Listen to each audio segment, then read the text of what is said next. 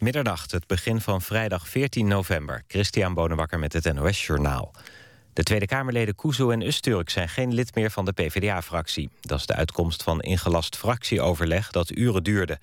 De Kamerleden van Turkse afkomst hadden kritiek geuit... op het integratiebeleid van PvdA-minister Ascher. Ze weigerden de afgelopen avond een verklaring te ondertekenen... waarin ze hun vertrouwen in Ascher uitspraken. Kuzu en Usturk zeggen dat ze daarmee monddood zouden worden gemaakt. De twee geven hun zetel niet terug aan de PvdA... en gaan zelfstandig verder in de Tweede Kamer. De coalitie van VVD en PvdA houdt nog wel een krappe meerderheid van 77 zetels. In Ede is een vloer van een gebouw ingestort. Daarbij zijn meerdere mensen gewond geraakt, zegt de politie. Hoe ze eraan toe zijn is niet duidelijk. De vloer zou tijdens een studentenfeest zijn ingestort. Minister Koenders van Buitenlandse Zaken is bang dat het geweld in het oosten van Oekraïne de komende weken toeneemt. Hij sprak zijn vrees uit tijdens een debat in de Tweede Kamer over de vliegramp met vlucht MH17. Escalatie is volgens Koenders slecht voor het onderzoek op de plek waar het toestel is neergestort. Hij zegt dat via de OVSE wordt onderhandeld met de pro-Russische separatisten over de berging van de wrakstukken. De Vlaming Stefan Hertmans heeft de ACO Literatuurprijs gewonnen... voor zijn boek Oorlog en Terpentijn over de Eerste Wereldoorlog. De jury spreekt van een meesterlijk geschreven relaas van een dramatisch leven. De Gouden Radioring is dit jaar gewonnen door Rick van Veldhuizen. Hij krijgt de publieksprijs voor zijn radioprogramma Rick in de Morgen bij Veronica. De zilveren radiosterren voor beste radioman en beste radiovrouw... gingen naar Rob van Zomeren en Claudia de Brij. Voor het eerst werd ook de Impact Award uitgereikt. Die ging naar NOS-verslaggever Jack van Gelder... onder meer voor zijn populaire voetbalcommentaren op Radio 1. Het weer, het blijft vannacht droog, minimaal rond 6 graden. In het oosten kan het nevelig zijn. Overdag vanuit het zuidwesten steeds meer bewolking, gevolgd door regen. Die bereikt het noordoosten pas in de avond. En het wordt ongeveer 11 graden. Tot zover het NOS-journaal. ANWB Verkeersinformatie. Een file op de A7 Groningen richting Duitse grens. Tussen afrit Westerbroek en Foxhol een file van 4 kilometer door een ongeluk. De rijbaan is daar dicht. Automobilisten worden omgeleid. De vertraging bedraagt ongeveer drie kwartier. En dan nog een korte file op de A13 Rotterdam richting Den Haag... tussen Delft-Zuid en Delft-Noord 3 kilometer file. En dat was de verkeersinformatie. NPO Radio 1. VPRO. Nooit meer slapen.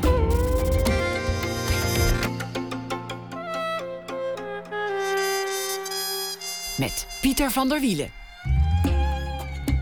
Goedenacht en welkom bij Nooit meer slapen. Vaak worden ze verketterd of hoofdschuddend gepasseerd met een meelijwekkende blik of een meelijdende blik als ze onder een koude luifel staan. Maar een lofzang of een beetje troost of een ode, dat zou toch ook wel eens mogen aan de laatste roker. Een verzameling gedichten die muzikant en poëzieliefhebber Henny Vrienden samenstelde aan de laatste roker is uitgekomen. Een gesprek met hem na één uur. Dan hebben we ook aandacht voor een Vlaamse voorstelling waarin iedere bezoeker een ander verhaal te horen krijgt. Goed idee, maar hoe krijg je dat praktisch voor elkaar? Maar we beginnen met Hedy Honigman. Om de wereld in 50 concerten is dit jaar de openingsfilm van het documentaire festival ITVA. Honigman volgt het Concertgebouworkest bij hun 125-jarig bestaan op tournee en registreert onderweg ook verhalen over wat muziek voor mensen betekent, van Rusland tot Zuid-Afrika en Argentinië en Amsterdam. Hedy Honigman is een van Nederlands bekendste documentairemakers, internationaal geprezen met onderscheidingen, bijzondere vertoningen, een overzicht van haar werk in Centre Pompidou in Parijs, een zeldzame eer. In 1951 werd zij geboren in Peru. Haar moeder vluchtte uit Polen voor Hitler. Haar vader ontvluchtte Europa als overlevende van de Holocaust. Ze woonde achtereenvolgens in Rome, in Parijs, andere plekken en uiteindelijk Amsterdam en heeft een omvangrijk oeuvre. Hartelijk welkom. Dank u wel. Het gaat vaak over, uh, over muziek in, in, jouw werk. Ja, heel vaak, ja. Sinds, uh, eigenlijk sinds mijn eerste documentaire Metaal en Melancholie. Daar is een uh, taxichauffeur, eigenlijk de allerlaatste in de film. En ik weet dat, dat ik hem ontmoette en ik heb drie uur lang met hem gesproken. Zijn hele verhaal. Nou ja, ik ga het nu niet vertellen, maar één deel van zijn, uh, van zijn grote verhaal was dat hij ooit verliefd was geweest op een Italiaanse vrouw. En tijdens het, eh, het, het, het, gesprek zei ik tegen hem van, nou ja, zou je dat verhaal willen vertellen? Ja, zei. Dus dat, dat verhaal is echt opgenomen in de film. En opeens zegt hij: We zijn aan het filmen. Ehm, ik heb een muziekstuk, uh, een cassettebandje eigenlijk, die we samen hebben gekocht in Ecuador toen we daar samen waren. Um, zou je naar willen luisteren? Zei ik, nou heel graag. Hij zette de muziek en hij bleef naar luisteren. En dat was schitterend. Gewoon zijn, hij verdween in de muziek. Hij ging zingen. Hij, uh, heel even is er een moment dat hij naar ons kijkt en, en zucht. Zo van, ah, de liefde. Dat is iets. En daarna blijft hij helemaal geconcentreerd. Hij zingt, hij rookt een sigaretje. En uh, tot het einde blijft hij gewoon zingen en luisteren. En eigenlijk is hij een inspiratie voor vele andere films die, die volgden over muziek. Het is snel een ingang om, om bij iemands leven te komen, maar ook vooral bij de vraag wat iemand troost. Ja. Wat mensen overeind houdt, hoe, hoe mensen overleven. Dat zijn misschien meteen hele grote woorden, maar via de muziek kom je al heel snel op dat soort verhalen uit. Ik heb een slecht geheugen voor films, maar wel een goed geheugen voor mensen. En, en daar gaan die films vaak over. Ik moet, als je dit verhaal vertelt, ook denken aan ehm, de veteraan in de film Crazy. Die vertelt over de Korea-oorlog. En dat hij de naam van een hoertje op zijn arm heeft laten tatoeëren. Ja, Omdat dat de enige was die hem troost bood in, in de duisternis van die oorlog. Het lijkt alsof je heel weinig hoeft te doen om bij dat verhaal uit te komen. Behalve te vragen naar wat vind je mooie muziek? Ja, en tegelijkertijd is het gevaarlijk. Want je kunt gewoon vrij snel belanden in clichés, denk ik. En dus als iemand. Als je voelt dat iemand zijn hart aan het openen is, dan moet je heel voorzichtig zijn. Gewoon niet. Uh, je kan heel snel de voyeur zijn. En, dat, en het moment kapot maken. En het moment kapot maken, zeker. Ja. En dat moet je, daar moet je voor waken. En zelf uh, in Crazy, wanneer de mensen aan het luisteren zijn naar, naar, naar de muziek. Die... Crazy heette die film, hè? Dat was eigenlijk steeds veteranen die vertelden over muziek. Ja, dat is vanaf Korea 45 tot en met Srebrenica uh, 95. Ja. Um, de val van Srebrenica. Zijn allerlei soldaten van allerlei rangen die vertellen over de muziek die toen zo belangrijk is voor hun geweest. Nou, verschillende functies. Het kon een soort uh, warme mantel zijn die hun omringde toen ze bang waren of verdrietig. Of hunzelf beschermen tegen angst. Er is een jongen die vertelt van...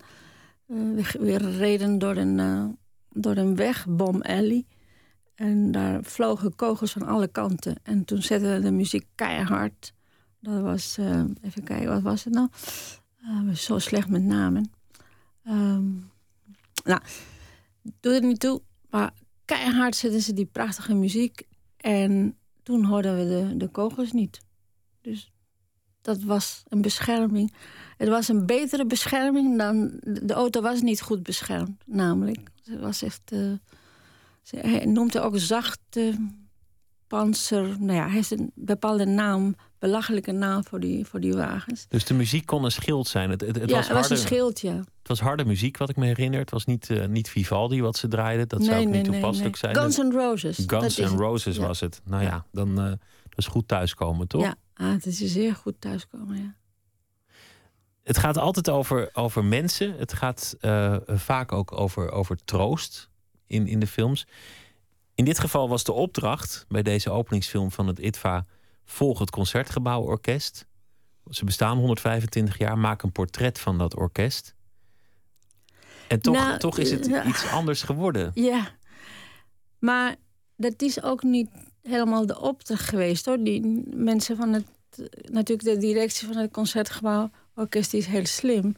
Het zijn hele gevoelige, gevoelige mensen. Dus eigenlijk, ze lieten me een beetje vertellen wat ik wilde. En op dat moment wist ik het niet, want het was veel te vroeg om het te weten. Maar er was, er was één beeld in mijn hoofd en, en die vertelde ik het. En dat was gewoon letterlijk... Ik zie een lange rij zwarte kinderen die gratis een concertzaal binnengaan in Soweto. om naar Peter en de Wolf te luisteren. En waarschijnlijk ga ik enkele van hun daarna volgen. Dat was het.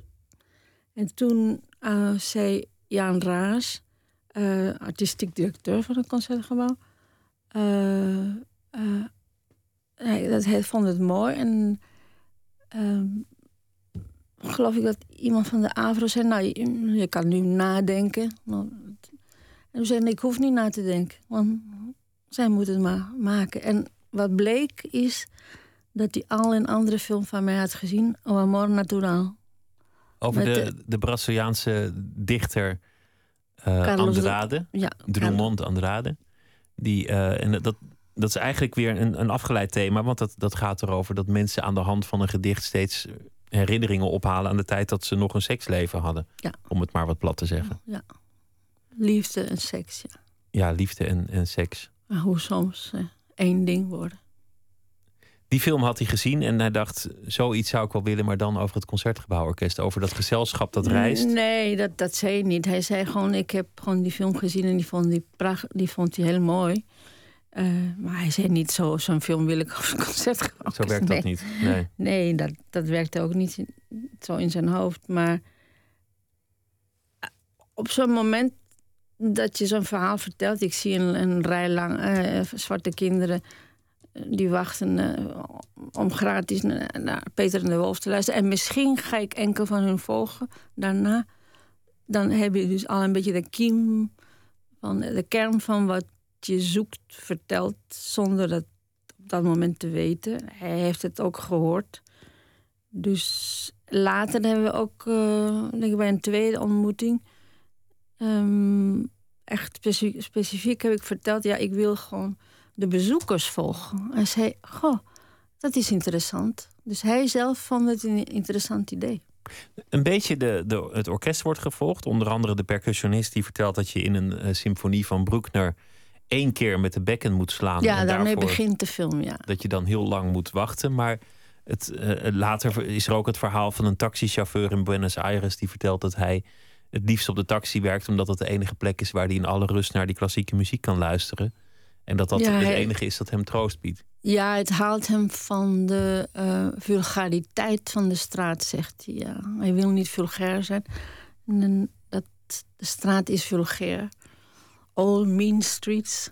En uh, hij wil daar in zijn auto zijn. Dat is de, allerleukste plek die hij kent. Soms zegt, hij zelfs te vluchten in het weekend. Wanneer de dagen te lang zijn bij hem thuis, waarin niemand luistert naar klassieke muziek. En in zijn auto te kruipen om, om daar lekker te luisteren. Ook verhalen in Zuid-Afrika over mensen die, die het als een manier om te ontsnappen zien. Die, die via de viool hopen aan, aan hun lot te ontsnappen en, en zich een beter bestaan uh, te verwerven.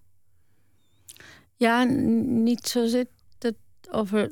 De viool komt niet zo specifiek ter sprake. Ook zie je gewoon een, een leraar, uh, die, uh, iemand die les geeft aan, kinderen op een school, maar er is les in viool, cello. Er zijn ook uh, um, koperinstrumenten.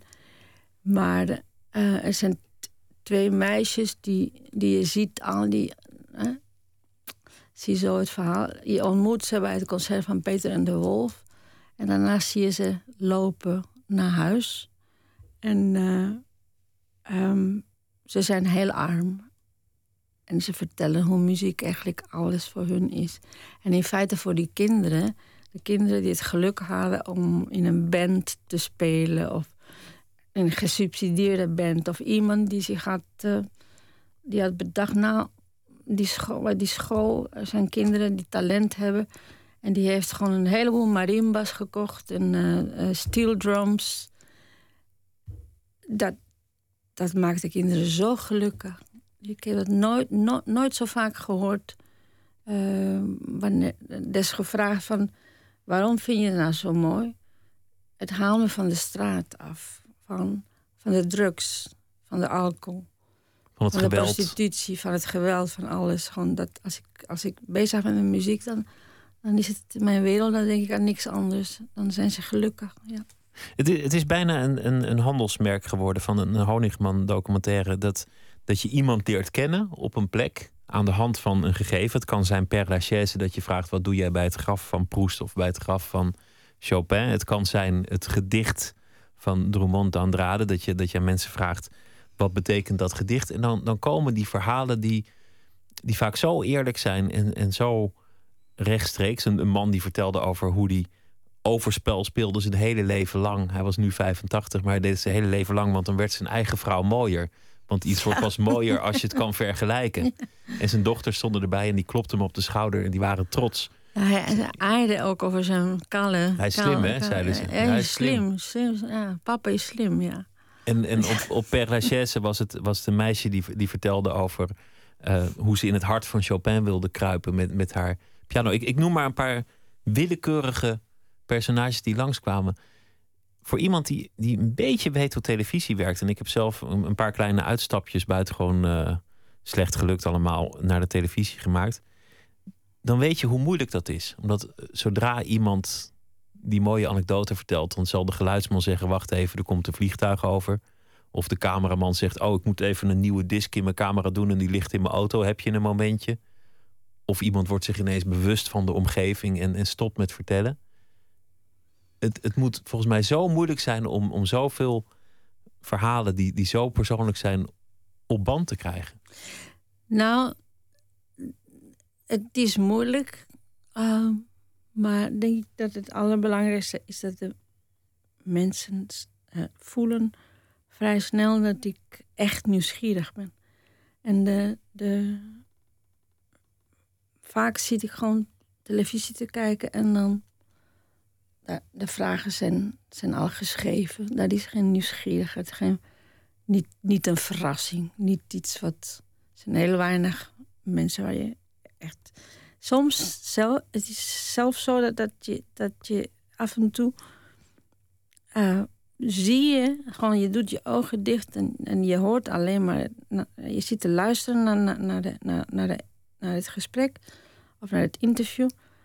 En je hoort iemand het papiertje in de hand houden en de vraag voorlezen.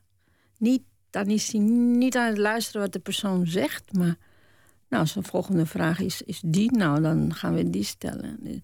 En ik denk dat, dat het geen, ja, het is wel een, een grote kunst om, om, om, nou nee, het is helemaal geen grote kunst om nieuwsgierig te zijn echt, je, je, wordt zo geboren. Ik denk dat, dat ik nieuwsgierig ben sinds dat ik een klein meisje ben. Dus, dat is een eigenschap, dat, dat heb je, dat gesprek, dat, dat, vindt gewoon plaats? Dat, dat, heb je, dat heb je. Dus dan, dan kan het zijn, ook als ik verhalen vertel, dus dat uh, mensen zich vervelen omdat ze worden zo lang. Hè. Dus mijn vriend, die is nu, als ik een verhaal vertel, die zegt nou, hou op. En die weet, oh, die gaat die kant op en die kant op en die kant op. Uh, maar natuurlijk, als je een personage tegenover je hebt en die voelt.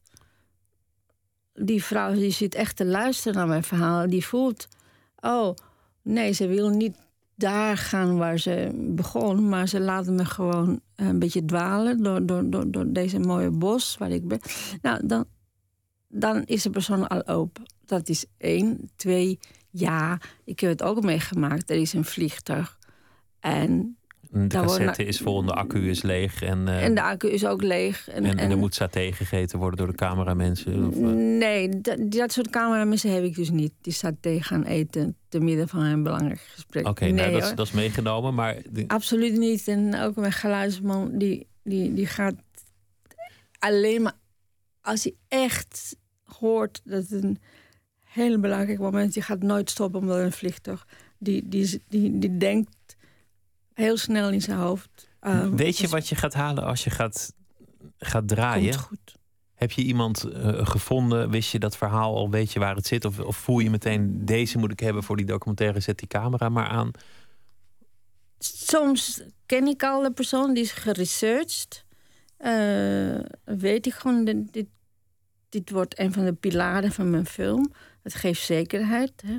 Je hebt zo, drie pilaren in je film, heel sterke personages.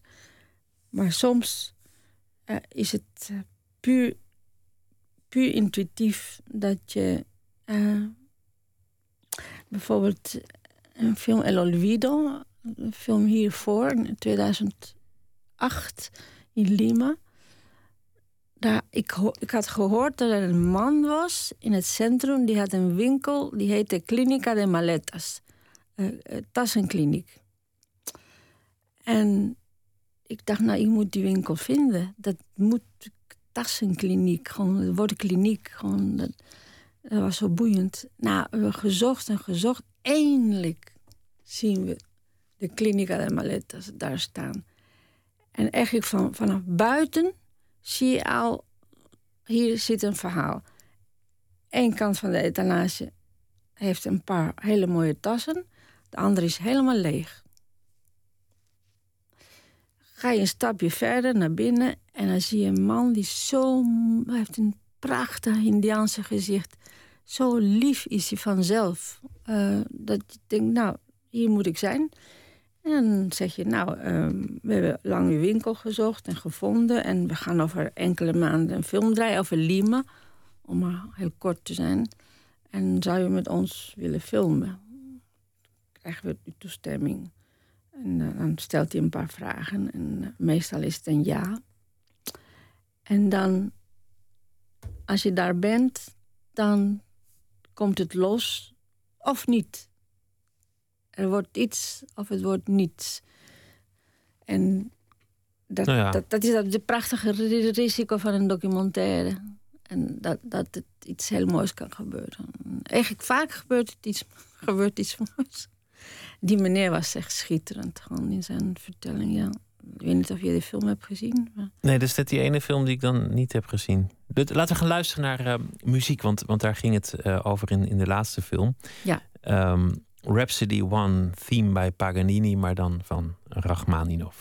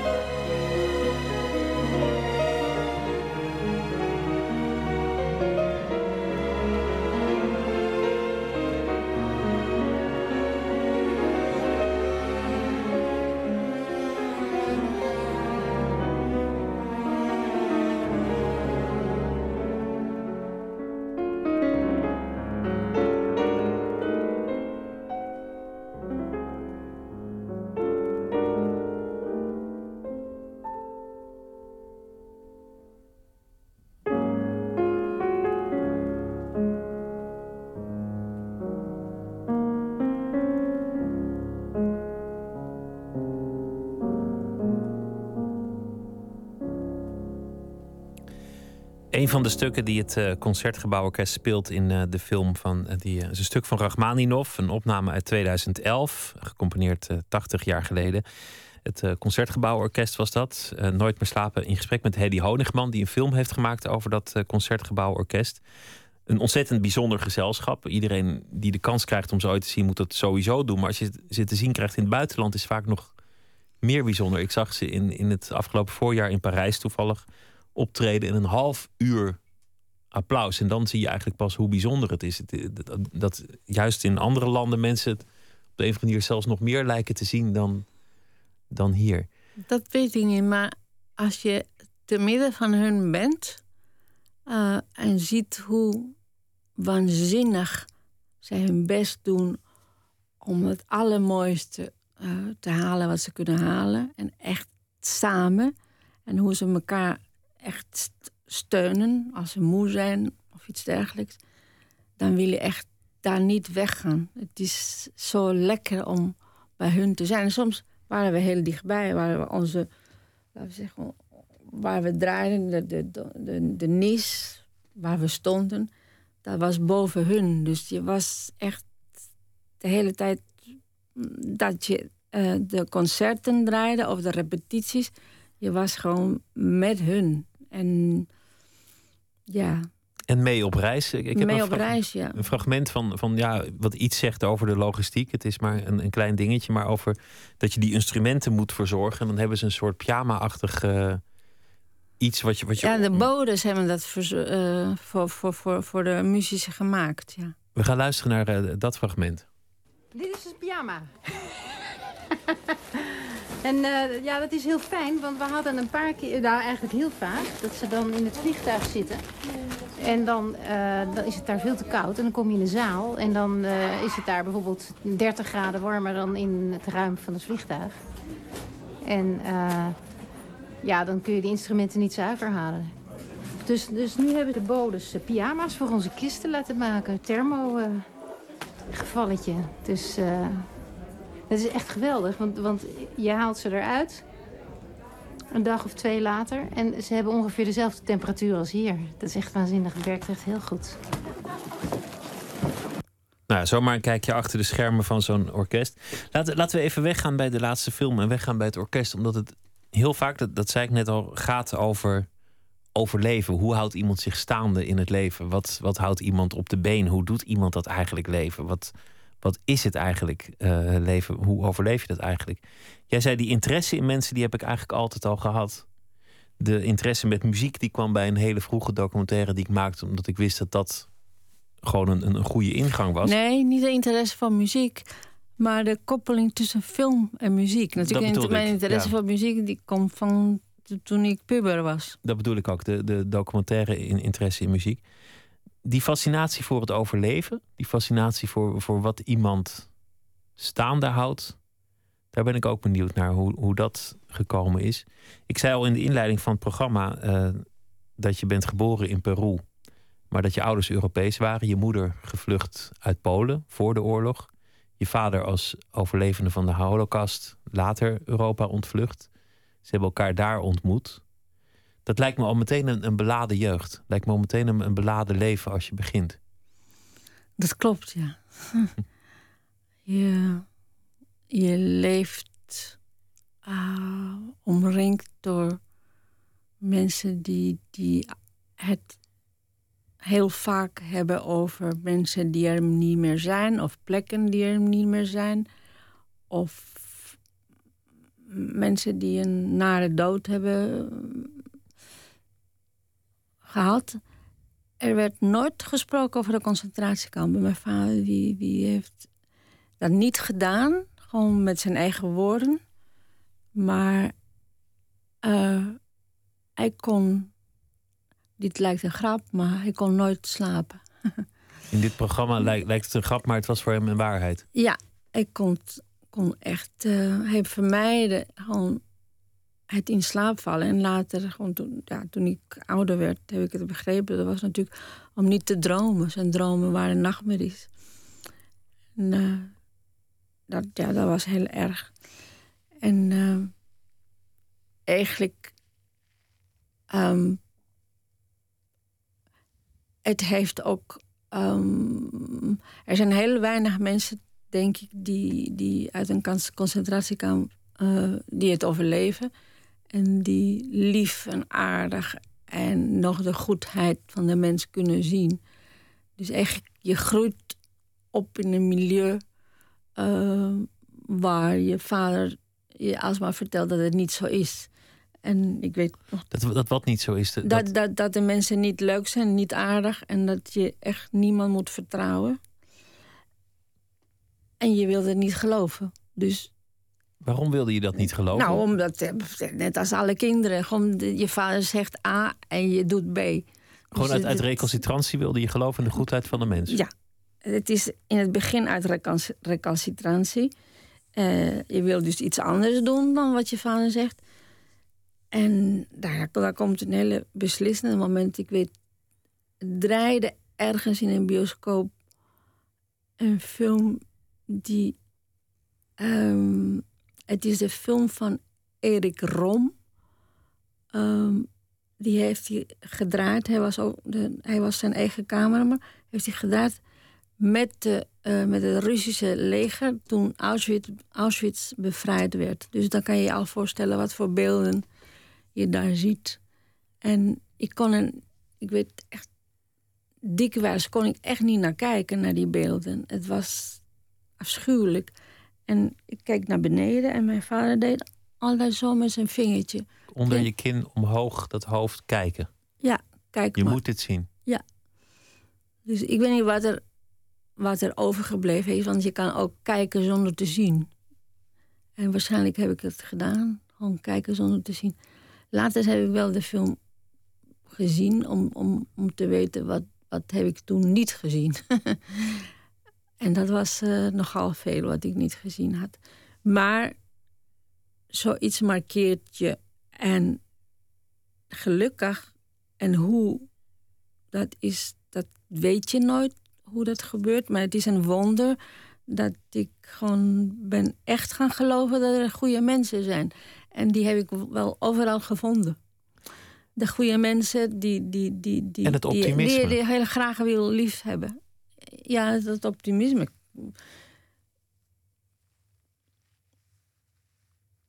Het klinkt niet als een gelukkige jeugd. Nee. Het Nee. klinkt niet. Het, het, ik Nee, bedoel, nee, met, met twee getraumatiseerde ouders in een, in een ja, voor maar, hen vreemd maar land. ik ben niet getraumatiseerd en ik heb dat nooit, me nooit getraumatiseerd gevoeld. Eh, Dus het, het, het, dit tweede generatie syndroom, die heb ik helemaal niet. Ehm, ik, weet niet waar, dat. Ik ben altijd een heel. eh, s- ja, een snel meisje geweest. eh, met, eh, misschien omdat er het kan zijn, de liefde is altijd natuurlijk een, een, een, een, een, een tegengewicht voor, voor verdriet of andere nare gevoelens. Er waren altijd veel jongens om me heen. En ik was tegelijkertijd heel slim, maar ook heel goed in gym. Dus ik was de snelste bij de 100 meter en ik kon het hoogste springen, ook was ik heel klein. En ik was de kapitein van mijn volleybalteam. Dus het was echt een, zeggen, tussen aanhalingstekens, bijzonder meisje. En, dat, dat die jongens om me heen waren, eh, ja, dat maakte, maakte me gelukkig. Ik speelde ook ontzettend veel met, met jongens. Niet alleen maar met meisjes, maar met jongens ook. Dus was klimmen op bomen, heel gedurfde dingen doen. Ehm, ja, geen angst hebben. Dus ik denk dat al die elementen samen... die hebben bijgedragen aan dat ik het leven leuk vond. Dat is iets wat, wat in alle personages in je films terugkomt. Of het nou gaat over de taxichauffeur die in zijn auto gaat zitten. Ook al heeft hij er al de hele week in gezeten. En is hij vrij om die muziek te luisteren. Het zijn allemaal dingen die mensen doen om het leven maar leuk te blijven vinden. Of leuk te maken. Of om zichzelf, nou ja, eh, op de been te houden. Bij jou wa- was het, nou ja, je zegt jongens, goed zijn in dingen, spelen, Film, film, toen ik vrij jong was, toen, toen ging mijn spaargeld naar film. Dus dat, eh, vanmiddag was het gewoon een gesprek met, met een krant. En daar vertelde ik dus dat bijvoorbeeld Malen... De eerste keer dat ik Malen luisterde, dat was bij, eh, bij, bij eh, Dood in Venetië van Visconti. Daar wordt eh eh, Malen gespeeld, de, de vijfde. Een stuk van de vijfde. Dus daar, maar veel naar, naar de weinige filmhuizen die we hadden. Gewoon de, de- het aantal bijzondere films die je kon zien was niet groot.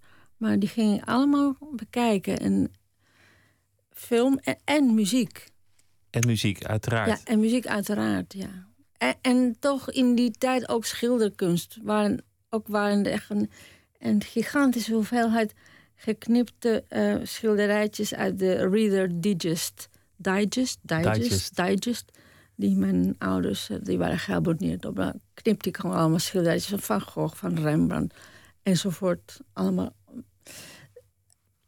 Heel intuïtief zoek je gewoon het, het, het mooie, het schone. En het, maar het is toch, ik vind dat toch iets bijzonders om. Uh, natuurlijk moet je het mooie en het schone en, en het goede in de mens zoeken. Maar tegelijk kan ik me ook wel voorstellen dat, dat iemand als je vader, die, die, die, die de grootste narigheid heeft meegemaakt die een mens kan meemaken. Een, gewoon een van de absolute dieptepunten van, van de menselijke geschiedenis. Dat er dan een moment komt dat je dat niet meer lukt. Dat je, dat je daar vandaan komt en dat het niet meer lukt om die schoonheid te zien of die troost of, of dat, dat optimisme nog te behouden. Zou je dat bij jezelf kunnen voorstellen dat je dat, je dat ooit zou verliezen? Nee. Nee, want ik, bespeur uh, geen enkele uh, signaal, si signaal van dat ik ben uh, verbitterd of cynisch. Dat zijn dingen, dat weet ik echt, um, dat ik dat nooit zal worden. Nog cynisch, nog. Het zou gewoon niet lukken. Nee, dat, dat gaat niet lukken. Ook zou ik mijn best doen. Dat, ik kan wel klagen over dingen. Of ik kan snel geïrriteerd. Maar ik, ik, ik heb een goede dosis humor. Ik kan. Uh, Want je hebt ik, inmiddels... ik droom, ik, ik, af en toe droom ik, denk ja, ik ga toch ook. Uh, mijn moeder was een, een hele goede amateuractrice. En af en toe droom ik, ja, ik had ook een goede comedian kunnen zijn. Een, een komiek, ja. Com, ja, komiek. Je hebt inmiddels uh, al, al, al een flinke tijd MS, ja. de ziekte. Je lichaam verlaat je langzaamaan. Je, je, je kwam hier binnen ook met, zo'n, uh, met, met een, een, rollator. Dat is ook al een post dat je daarmee loopt. Nou, een paar jaar, ja. Ja, dat, dat maakt het je, je werken veel moeilijker. Het maakt het reizen moeilijker. In die, hoe, hoe, uh, hoe blijf je daar vrolijk onder? Hoe blijf je... Um, een keer heb ik gewoon de hele crew van mijn film met mij veel sneller laten door de douane heen, want ik was minder valide. En toen riep ik gewoon: Zien jullie nou, dit zijn de voordelen van wanneer je invalide bent. En toen iedereen moest lachen. En in feite, het er zijn allerlei voordelen. Je gaat uh, door, door dit heen en iemand kijkt minder lang naar je paspoort of uh, je wordt overal geholpen. Um, de taxichauffeurs zijn wat aardiger met je. Heel soms, als je je best doet, krijg je een ticket business class. Omdat je zegt, nou, dit is zo lang, zo'n lange reis. Is 14 uur reizen, dat ik moet slapen. Want anders kom ik aan en dan kan ik echt niks doen. Oh ja, ja. Dan denkt gewoon de producent, ik moet maar toch investeren in je bent regisseur. Maar het, het lijkt, ik bedoel, dit, de, de voordelen wegen uiteraard niet op tegen de nadelen, maar het is Nee. geen afweging. Je hebt het niet voor het zeggen. Het is niet een, een boekhouder die, die dat berekent. Maar als ik je zo hoor, dan lijkt het alsof het eigenlijk niet eens heel wezenlijk is. Het is soms heel onwezenlijk. Het is gewoon, sowieso in de ochtend is het wel heel aanwezig. Dan moet men, het is dan, je wordt wakker met krampen en, en je moet zeggen van kom op, sta, sta op en, en de dag gaat beginnen. Uh, soms heb je er geen zin in. Uh, hoe ouder je wordt, hoe minder zin je hebt. Maar hoe meer je ja, je best moet doen om toch op te staan. En, de, en als de dag begint, dan, dan komt alles weer terug. Dan het is, um, ik heb ook ontzettend veel rugpijn, door, denk ik ook door de, door de MS. Um, dat eigenlijk telt het nu, nu zwaarder dan de MS zelf. Uh, echt daarom de rollator. Eigenlijk, dat houdt me recht. Um, ja, natuurlijk, het helpt me met goed lopen en niet als een eentje. Soms, als je me kijkt, dan loop ik als een eentje. Maar mm, zonder dat, dat optimisme die in, mij is, dan zou ik niet tien uur. Als mensen mij zien werken, dan denken ze: hoe doet ze dat nu? Als je MS hebt, dan kun je twee uur werken, drie maximum. Deze dame werkt tien uur, twaalf uur. En die zegt nog, ik ben een keer met Esther Goldman, mijn, mijn, uh, mijn buddy, mijn uh, allerbeste vriendin en ook heel veel jaren regieassistente en uh, researcher, co-researcher. een keer bij het filmen zei ik, goh, vandaag hebben we het goed gedaan hoor. Snel, niet zoveel uren. Dus ik keek me aan. Hé, Hedy, wat zeg je nou? We hebben twaalf uur gedaan. Twaalf uur. We waren klaar met één aflevering van iets, maar twaalf uur. Maar ik was er zo in dat ik dat niet merkte. Ik wil niet zeggen, het is niet altijd zo geweest. Gewoon bij deze laatste film. Misschien omdat er minder geld was. En idiotie, gewoon ja, de fondsen hebben minder geld en dan. Het is zo'n belangrijke grote film, dan krijg je 20.000 euro minder bij die die fonds 20.000 uh, duizend, wat zeg ik, gulden, euro's bij dat fonds. En dan heb je 40.000 minder. En dat betekent gewoon dat je aankomt bij Buenos Aires en dan moet je slapen en de volgende dag moet je onmiddellijk de locaties gaan kijken. Want je Maar dat dwars door je lichaam heen, blijf je tot de allerlaatste snik werken? Ja, en niet alleen maar dat, maar s'avonds in mijn, in mijn kamer. Ik kan echt nooit, nooit uh, meteen slapen. Dus de regisseur blijft uh, alleen met de werk van de dag. En eigenlijk, ik was, weet ik, een keer in Peru was ik triest daarover. En toen belde ik mijn, mijn liefje, Henk. En hij zei iets heel moois. Hij zei.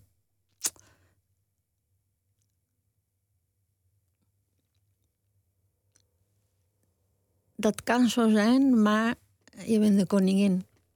Oh. Je blijft. Je bent degene die, die, die, die, die, die, die blijft als laatste. Je, je, je, ja, je bent de regisseur, de koningin. Je staat boven alles. En dat troostte me zo. Ik zei, dat klopt. Ik ben de koningin in dit geval, want uh, ik moet regisseren. Ik moet zorgen dat de mensen dit doen, dat doen, dat doen. Het heeft je ontroerd, die uitspraak. Hè? Ja. Ik, ik, zie dat nu, nu aan je, dat het, dat het je. Ja, het, dat, dat, dat het je toen heeft geraakt. Ja, het was een mooi moment ook. Het was een moeilijk moment was met het draaien van El Olvido. Ik was in, in Peru. En ja, er waren ja, hele grote beslissingen die, die, die ik moest nemen voor, voor, de, voor de film. Dus nou, dat was een grote troost. Laten we weer luisteren naar uh, uh, muziek uit, uit die film Crazy over die uh, veteranen. Naast Guns N' Roses kwam er andere muziek in voor. Onder andere van Patsy Cline. Dat is een, de allerlaatste, ja. Een mo mooi moment in de, in Ook de film. Crazy, ja. Crazy, een, andere Crazy. We gaan luisteren naar dat nummer.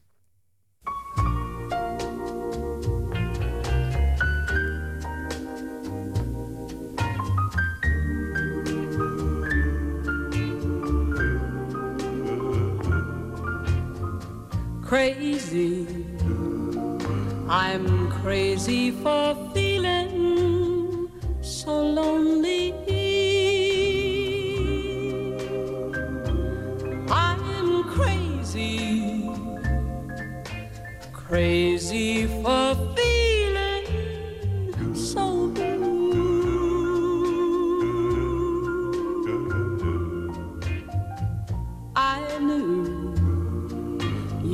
love me as long as you wanted.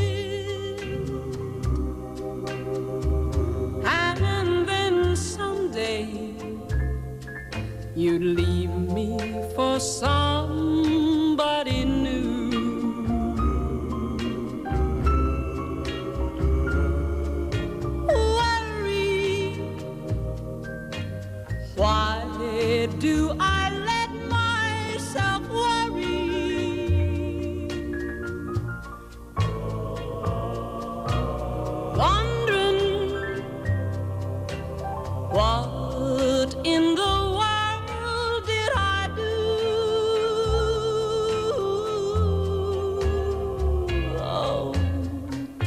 crazy for thinking that my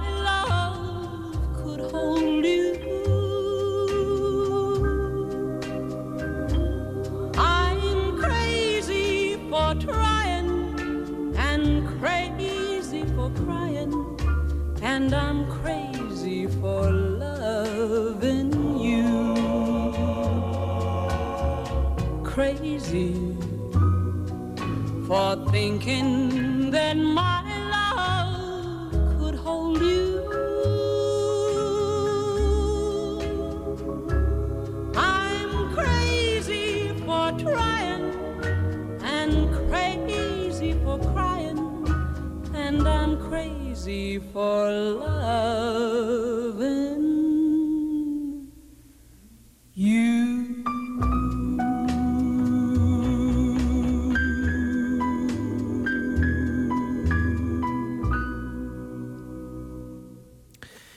Crazy van eh, Patsy Cline uit 1961. Hè, die Honigman zit tegenover mij. Die gebruikte dat in de documentaire Crazy. Ehm, Nooit meer slapen is dit. We hadden het net over de liefde. Eh, de, de, de man die je, die je troost en, en die je met, met lieve woorden op de been houdt als het een zware draaidag is en eh, het lichaam pijn doet en alles niet lijkt te lukken. Ja. Ehm, toen sprongen de tranen in je ogen toen je een moment herinnerde dat hij zei: Je bent de koningin. Ik, ik moest denken aan een uitspraak die je ooit ergens citeerde, die, die ik heel mooi vond. Je Van, moet me niet, niet, niet te vaak laten huilen hoor. Nee, ik ga je, nee, eh, kijk wel uit. We gaan het hebben over lachen. Ja. Want eh, dat was een, een uitspraak volgens mij van Billy Wilder. Die had gezegd, Ja. corrigeer me, als, of, of misschien weet jij de uitspraak. Ik Eh, ken de uitspraak. dat vond ik, vond ik mooi. Als je de if, mensen de waarheid... if you want to, to if you want to tell the truth, you have to make the people laugh, otherwise they will kill you.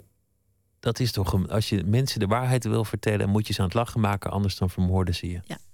Dat is, dat is voor, voor iedere programmamaker of, of, of wat dan ook volgens mij iets, iets wijs. Maar het slaat op zoveel dingen. Ik moest ook denken aan het Zwarte Piet debat. Dat is natuurlijk gewoon wat daar mis is gegaan. Niemand heeft elkaar aan het lachen gemaakt. Dus gaat iedereen elkaar maar vermoorden. Ja, Dat, precies. Je moet is- het met humor doen. Ah, het is, het, hij heeft proporties, eh, proporties genomen, dat Zwarte Piet debat, dat ik wil me niet, niet erin mengen. Nee, ik ook niet. Ik vind het verschrikkelijk. er, zal ook nooit meer gelachen worden. De- Nee. Iedereen gaat elkaar vermoorden. En waarom eigenlijk? Maar, eh, ik hoop dat de kinderen blijven lachen. Dat, dat zullen ze uiteindelijk wel blijven Ja. doen. Adriaan van Dis was hier te gast een paar dagen geleden. Die vertelde over, over zijn jeugd en leven. En die, die zei: Ik heb mezelf aangeleerd als bange man om altijd over de problemen heen te stappen. Om, om moedig te zijn. En dat vond ik wel een mooie, een mooie uitspraak. Hij zei: Hoe groot de verleiding ook is om het uit de weg te gaan, om, om, er, om er van af te deinzen. Ik ben er altijd op afgegaan. Dat, Ja. dat hoorde ik ook een beetje terug in jouw uitspraak eerder in dit programma. Dat je zei: Ik neem een, een risico als ik een documentaire maak, want het kan heel slecht worden of het kan heel mooi worden. Daarin zit eigenlijk datzelfde, dat je niet gaat voor de zekerheid. Ja, precies. En kijk eens, dat is wat ontbreekt in dit land. Dat je gewoon bij de commissioning editors van de omroepen... die gaan me nu vermoorden en nooit meer een film van mij willen financieren. Maar Of je moet Ik- ze aan het lachen maken. ja, ik kan ze nu niet aan het lachen maken. Behalve dat ik te zeggen dat ik veel films voor hem maak. die over zware onderwerpen eh, zijn. en waar ze, waar, eh, waar ze moeten lachen, zij zelf. Dus blijf maar mijn films financieren. Maar ontbreekt soms het risico om dingen te maken. Ze gaan liever voor een zekere zes dan voor een onzekere negen. Ja, angst. Angst is, een, eh, is iets wat, ehm, waardoor men twijfelt van... ga ik nou die moeilijke film maken? Gewoon, ik denk soms, als, als je een scenario pakt van Abbas Kiarostami bijvoorbeeld... ehm, nee, maar eh, ehm, waar is het huis van mijn vriend? Dat gaat alleen maar over... eh, ehm, kleine resume. Jongen eh, gaat van zijn huis weg met het schriftje van zijn vriend, die hij op school heeft, heeft per vergissing gepikt. Want hij weet, als mijn vriendje niet morgen zijn huiswerk maakt, dan wordt hij v- vreselijk. eh, eh, ehm, de, de leraar wordt vreselijk boos met hem. Dus je ziet een jongetje van één dorp naar het andere en van één huis naar het volgende vragen van waar is Mohammed? Mohammed wat? Nou, dat weet hij zelf niet. En zo is de hele film met een prachtige einde, namelijk dat hij gaat terug naar huis. Hij heeft zijn vriendje niet gevonden. En zijn moeder zegt hem nog een goede avond. Eh, wat ben je aan het doen? Van, nou ja, mijn huiswerk doen. Het, het kost, kost zoveel, het is moeilijk. De volgende dag dan, eh, hij zit op school en hij schuift het, eh, het schriftje aan zijn vriendje en die kijkt. Daar is een, sowieso een bloemetje, maar wat zie je? Hij heeft het huiswerk voor zijn vriendje gemaakt. Zo prachtig, zo eenvoudige script. Ik ben zeker, je, je geeft het aan het fonds, je wil een lange spelfilm van maken en dan ga je zeggen: ja, er is weinig ontwikkeling van de personage. Pas op het einde. Ja, die jongen rent en rent en rent de Want ze hele willen, film ze door. willen eigenlijk, eigenlijk willen de meeste mensen gewoon geen gezeik. Dat is, dat is gewoon de levensinstelling. Van, van nou ja, als ik deze film financier en het loopt niet, dan krijg ik gezeik. En als ik hem niet financier en ik financier iets anders, dan krijg ik geen gezeik. Je bedoelt geld. Je krijgt Ja, eh, of, of, een- of standje. Of, of je krijgt, mensen willen gewoon rust in de tent. Toeschouwers. Ze willen, ze, ze willen toeschouwers. Ja. En als je Ben je, ben je in ieder vlak in, in het leven altijd met die houding eh, erin gegaan? Van, van, Nou, van Adriaan van Dis, ja, eh, het is gek, want Adriaan heb ik gewoon eh, onlangs dagenlang meegemaakt als, als voorzitter van onze jury bij Festival on the Sea in Vlissingen? in Vlissingen. En hij was ontzettend komisch, grappig en vastberaden ook. Heel eh, goed luisteren naar, naar ons allemaal. En ik kan me dat ehm, heel goed voorstellen van hem. Dat, dat eh, heeft die ook een beetje die hele grappige kant. Hij kan heel vrij snel een grapje maken over iets. Maar dat hij in zijn vroege leven, toen hij jonger was, ja, vroege leven, wat, wat een, een Nederlands zegt. Ehm, toen hij jonger was, dat hij heel dapper was. Dat hij zei, nou. En eigenlijk heb ik dat ook een beetje als houding gehad. Want je bent uit, eh, uit Peru naar Nederland gegaan. Je bent uit Peru eerst naar Rome, geloof ik. Was nee, het, ik ben, ik ben gewoon. Ik was eerst in Spanje, daarna in Parijs. Daar kreeg ik gewoon een brief. Eh, die was eigenlijk gewoon in tien enveloppes. Die had een heel lange parcours. En ik zal het nooit vergeten, het was 9 november. En er stond 11 november moest ik op de filmschool in Rome. Ik was een soort. ehm, eh, de eerste ronde gepasseerd. Dat moest je gewoon. Die had ik opgeschreven in Spanje. Waarom ik wilde film studeren. Tien pagina's lang. Allemaal films die ik noemde, et cetera. Als je geen materiaal had om te laten zien, dan moest je dat doen. Dus dan ben je dapper en moedig. En je zegt, nou, ik heb nu een hele piepkleine kamertje eh, gevonden. Maar die ga ik nu verlaten. En ik ga naar Rome. En dat is wat je doet. Je huilt, je pakt in. De volgende dag laat je gewoon één maand huur aan je beste vriendin. En je stapt in de trein naar Rome. En de volgende ochtend ben je in Rome. En het is negen uur. Je moet heel snel douchen en zeggen hoe je bij de filmschool aankomt. Je, je neemt een pensioen, pensioen vlak bij het station. Een plekje waar je je spullen deponeert. En je denkt van, nou ja, misschien hoor ik het de volgende dag dat ik aangenomen ben. Je gaat je tentamen, tentamen doen, hopend dat ze je toelaten om dat in het Frans te doen. Want ik sprak geen Italiaans, maar wel Frans.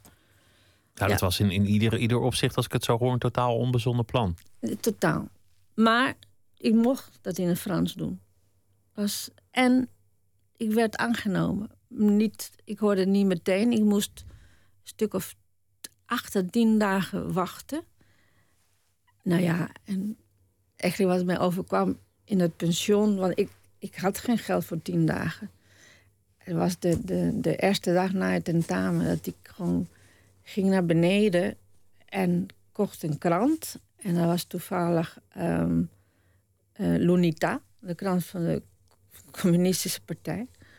Gewoon, dat kennen, Lunita. Dat, ja, dat is nou, een beetje een linkse krant kopen. En de man van de pensioen, ik bleef heel lang eh, met het ontbijt, mijn, eh, mijn broodje en zo, en de krant lezen. En hij komt naar mij en zegt: Va, u bent een eh, kameraad. En ik zeg: Nou, min nog meer. Want nou, u bent gewoon onze krant aan het lezen. En toen dacht ik: Nou, laat ik toch maar gewoon het spelletje spe- spelen. Toen zei hij ja. En toen heeft hij gezegd: van, eh, Ik heb een kamer, die kunt u gratis hebben. En dan heeft hij me naar een kamer gebracht die kleiner was. Maar helemaal netjes hoor, met een bed en alles. Alleen maar veel kleiner dan een normaal. En dan mocht ik gewoon. Hij heeft echt zoveel geld gespaard van. eh, nou, ik had maar heel weinig. Want het duurde tien dagen voordat ik hoorde dat ik aangenomen werd op de filmschool. Kortom, dit, dit was een, een onbezonnen plan. En Ja. weer, een, het wordt of een drie of een negen. En Ja. hoe dan ook geen, geen eh, zes. Nee, Als ik je, als ik je zo hoor in het afgelopen uur, hè? Je moet gaan voor die negen, de tien. Niet, niet bang zijn, niet de zekerheid opzoeken. Eigenlijk gaan al jouw films uiteindelijk ook voor een heel groot deel over jouzelf. De verhalen van mensen die zich staande houden, die zoeken naar het optimisme, naar, naar troost, vrolijkheid en zich, zich staande houden. En die, die met een groot plan, dat misschien soms heel raar klinkt, de wereld intrekken. Eigenlijk gaat het heel vaak over jou. Ja, over, over ballingen op verschillende manieren. Maar ook over mensen die, die ontzettend, ontzettend hun best doen. Hun, die willen gewoon schitteren, zoals de muzici van het Concertgebouworkest. Gewoon, die zijn, die zijn ook zoals ik ben, maar in de muziek. Ik probeer het beste te halen van de films die ik maak. Zij zijn echt perfectionisten in de muziek. Gewoon, het moet echt. Nou, daar zijn ze, daarom zijn ze gewoon de, een van de beste orkesten ter wereld. En dat is niet makkelijk. Het is heel grappig hoor als je ze hoort praten over, eh, over de akoestiek in het concertgebouw. Dat wist ik dus helemaal niet. Die is heel slecht. Niet voor ons, de luisteraars, maar voor hunzelf. Ze kunnen, ze kunnen elkaar niet horen. Door die Dus- 30 seconden er- echo of hoeveel seconden Weet is ik het? niet wat het is, hoe, hoeveel seconden het is, maar er zijn een aantal seconden waardoor ze het, niet kunnen halen. En dan is het een kwestie van heel goed kijken wat de violist daar aan het doen is. Dat weet ik dus, dat de percussionist dat aan, aan mij vertelde. Is heel goed kijken. En, en later ehm, is er een, een radio-opname die ik heb niet gebruikt in de film. Helaas, was heel mooi. Maar ja, je moet, het is wel je kill your darlings. Waar ehm, eh, dezelfde vrouw die Caroline Strumfer, Strumfert, ik heb moeite om haar naam te, uit te spreken, die, dezelfde vrouw die vertelt over de, de hoesjes, de pyjama's. Ze vertelt in bij de radioopname dat. eh, ehm,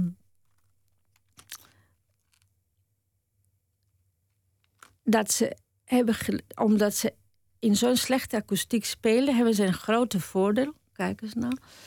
Dat ze in welke zaal dan ook in de wereld kunnen spelen. Want ze, ze, ze Ze zijn hebben- tegenslag gewend en dat maakt, je, maakt je zo goed uiteindelijk. Ja. En, en dat, dat geldt denk ik ook voor, voor, voor jou in je leven en voor heel veel mensen. Dat, dat je Ja. alle tegenslagen tot je kracht hebt weten eh, te maken. Ja, je moet dus een kleine klikje. Een kleine geven. draaiing geven. Een kleine draai ingeven. Je- En, niet, de- de- niet, niet denken dat het gaat aflopen. Gewoon met mijn ziekte denk ik dat het gewoon niet gaat aflopen. Laten we zeggen, mijn de leven. openingsfilm van het eh, ITVA is het. Hedy Honigman, dank je wel. En succes met eh, de première zometeen eh, Dank je wel. op dat ITVA. Dank je wel. Zometeen gaat Nooit meer slapen verder met heel veel andere dingen. Op Radio 1. Het nieuws van alle kanten.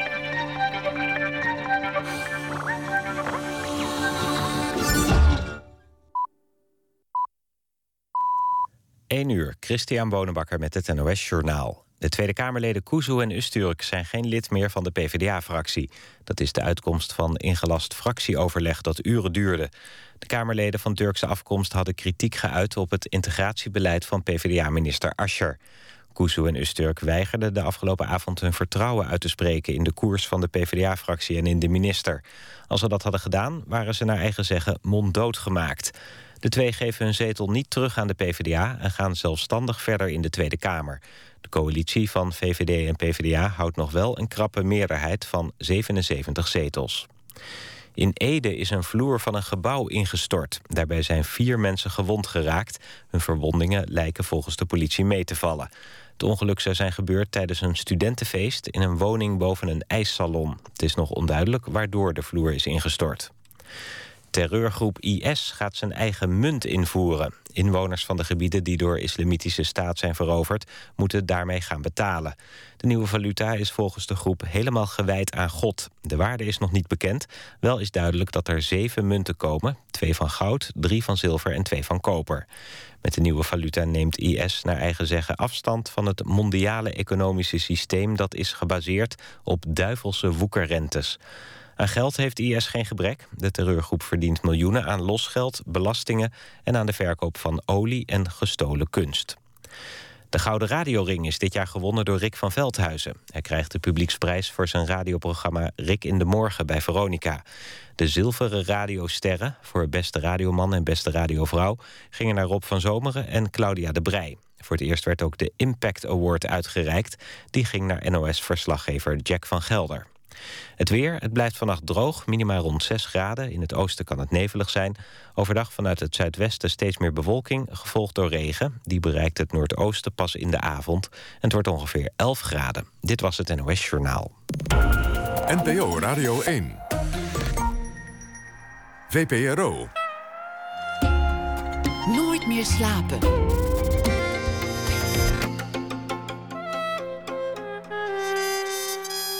Met Pieter van der Wielen.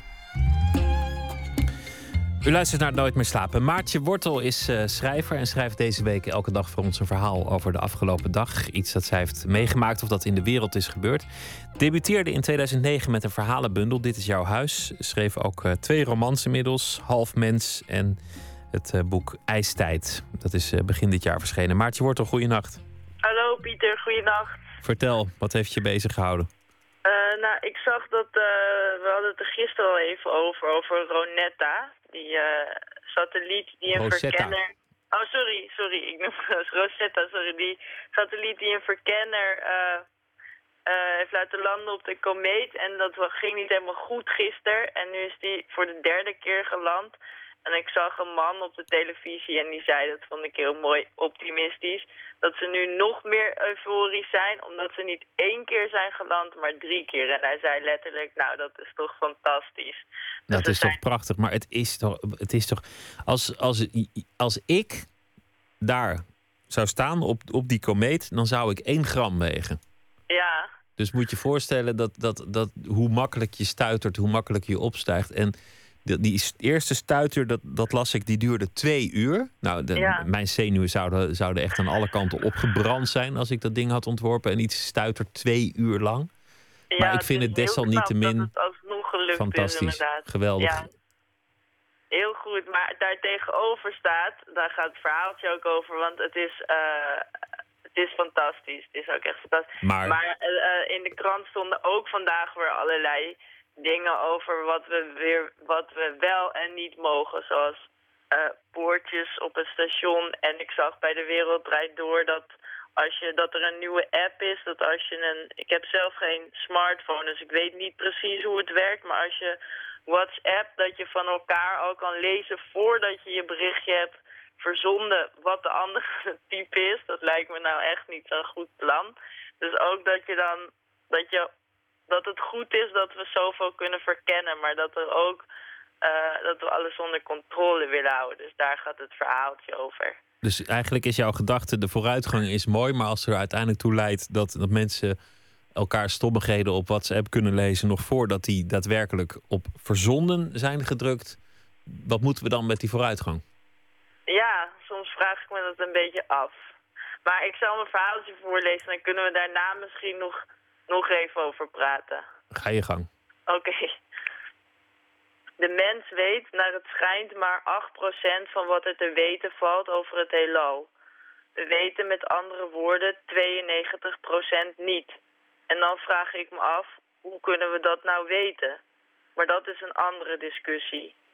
Woensdag is er een verkenner van de ruimtesonde Rosetta geland op een komeet. Er verschenen donderdag foto's van een gruisachtige grijze bol in de media. De opwinding was groot. We zouden meer te weten kunnen komen over ons leven op aarde. We stellen elkaar nooit, nooit eens vragen op feestjes of op de werkvloer. We kijken elkaar niet aan op straat. We snappen niet waarom de bijen uitsterven en ondertussen willen we allerlei onmogelijke dingen weten, grote vragen beantwoorden. Natuurlijk, kennis is macht. Maar wat is kennis? Op televisie vroeg een verslaggever aan een wetenschapper waarom die landing zo belangrijk was. De wetenschapper viel even stil. Dat weet ik eigenlijk ook niet, zei hij. Wat hij wel wist, was dat het een prachtige dag was. Ik keek naar hem en dacht, dat is genoeg. Meer hoeven we niet te weten. Toch zal dit voor veel mensen niet genoeg zijn. De illusie dat we controle uit kunnen oefenen tempert de angst. Alles moet worden geregistreerd, genoteerd, gescand, verklaard. Je kunt een treinstation binnenkort alleen betreden via poortjes. Restaurants moeten op een menukaart gaan vermelden welke ingrediënten er worden gebruikt, zodat de mensen met een allergie niet voor onaangename verrassingen komen te staan. Ik dacht aan het boek Choke van Chuck Palahniuk, waarin de protagonist restaurants bezoekt, doet alsof hij stikt, zodat iemand hem te hulp kan schieten en zich goed voelt omdat hij in de veronderstelling leeft een heldendaad te hebben begaan. Stel meer vragen, verwacht geen antwoord, laat het gaan en eet je bord leeg, want anders blijft er niets of niemand over om te redden. Ik vond dat juist een enorme vooruitgang. Dat, dat, dat, voor, dat, dat ze moeten vermelden wat de ingrediënten zijn, desgevraagd voor mensen met een allergie. Oh ja. Ja, ik hoorde wel eens het verhaal van iemand die, die had pinda-allergie en die was na, een- na een etentje, had nog twee keer gevraagd, zit er pinda in? En toen had de ober had gezegd, nee, volgens mij niet. En, en de, de volgende dag was die dood. Vond ik ook weer zo wat. Ja, dat is inderdaad ook weer zo wat. Dat Daar, daar, maar het, ging, het, gaat, ik, het stond, in, stond een stuk in de Volkskrant over, de, over die menukaart. En eh, het gaat erom, ik snap wel dat mensen het willen weten. Natuurlijk, als je pindaallergie bent, hebt, en wil je geen pinda's in je, sporen van pinda in je soep en de volgende dag dood neervallen. Maar het gaat erom dat je niet altijd alles kan en hoeft te weten. En dat we hele rare dingen wel willen weten, maar gewoon doodnormale vragen als hoe gaat het met je, willen we eigenlijk niet het, eh, helemaal niet naar luisteren wat iemand daarvoor antwoord op geeft. Dus het is ja, eigenlijk juist. meer... eh, ik vind ook bijvoorbeeld over in zo'n restaurant, je kan het niet weten, want dat stond ook in de krant. Misschien zijn er sesamzaadjes eh, eh, gemaakt in de buurt van een een of ander pinda-achtig iets. Weet je wel, dat er sporen van pinda's op die zaadjes zitten. Dat kan je nooit echt helemaal uitsluiten. En dan Nee, krijg precies. je weer Oké, dat iedereen Het naar gevaar blijft. wijzen. Maar ik, ik hoorde iemand anders vandaag zeggen: eh, van ja, al die miljarden geïnvesteerd om, om zo'n karretje helemaal naar een komeet te doen. Terwijl we hier op aarde nog steeds armoede hebben en hier op aarde dit. Maar ik dacht, dat is een, een ontkenning van alles wat het is om mens te zijn. Want als de mens ophoudt met verkennen, met het rijken, met het, met het Ja. onderzoeken, met het, met het verder willen, van, ook van die planeet af. Ja, dan, nee, dan, dat dan van zul je ook nooit een oplossing verzinnen voor de armoede of voor, voor, eh, voor de achtergestelde of weet nee, ik veel. ik vind dat ook van dat, dat we met eh, dat, dat we de, het heelal onderzoeken echt prachtig hoor. Ik vind dat juist heel mooi en dat is ook, eh, ik denk, heel waarde, waardevol. En juist omdat we dat allemaal niet weten wat daar is, dat we daardoor meer te weten komen. Dus daar gaat het niet om, maar meer dat het, dat het zo grappig is of, of vreemd eigenlijk dat, dat we zoveel willen weten over zulke grote dingen. Terwijl je eigenlijk de meest klein... Weet je, ik, ja, dat is misschien een beetje een clichématig pleidooi wat ik aan het houden ben. Maar dat, het, dat, je niet eens weet wie je buurman is, maar wel zo'n zo'n satelliet de ruimte instuurt. En natuurlijk dient dat een groter doel en dat moet ook gebeuren. Maar het is, kan geen kwaad om er soms even over na te denken. Precies. Oké, ik snap Ja. je punt. Nou ja, het een sluit het ander niet uit, zou ik Nee, dan eh, eraan willen toevoegen. Je kunt Ja. en je buurman eh, begroeten en een komeet bezoeken. Waarom ook niet? dat. Ja, Maartje, dankjewel. Een hele goede nacht. En graag weer ook, tot eh, morgen. Maartje Wortel, dankjewel. We draaien muziek van acts die op Crossing Border spelen komend week. En dat doen we de hele week. Ehm, het folkpop trio Greylag is een van die eh, acts die in Den Haag zal zijn komend uh, weekende. We gaan het eh, liedje draaien, Walk the Night.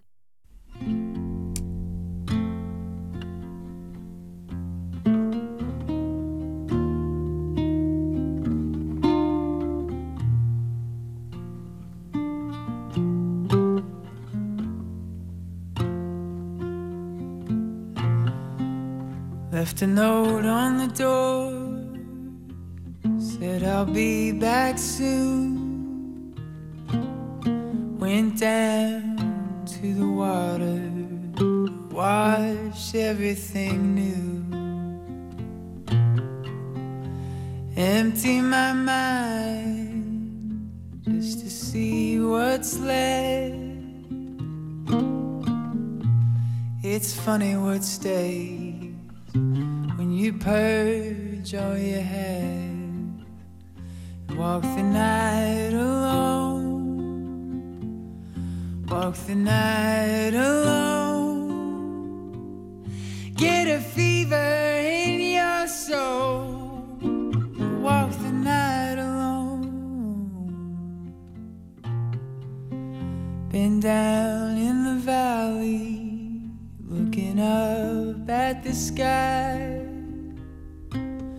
Those clouds above the mountains unlock the cage that is time. Take me high above myself, above everything I can see. And I'll fade into the silence, into that terrifying peace. I'm one with you again, humble dust upon the ground. No more king upon a kingdom. We're just sunlight through the trees coming down. I'll walk the night alone, walk the night alone, walk the night alone.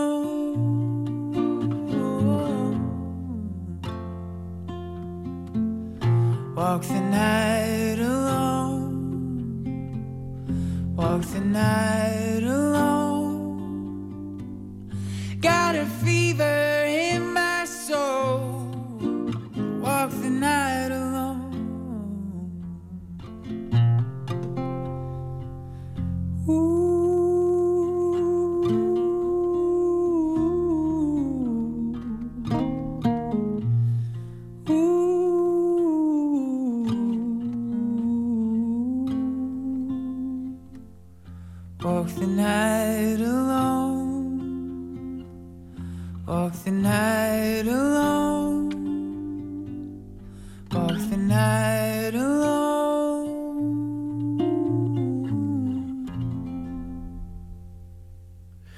Walk the Night Alone, Greylag. Uit eh, Portland, Oregon komen ze. En eh, aanstaande zaterdag zijn ze dus eh, te zien in Den Haag op het Crossing Border Festival.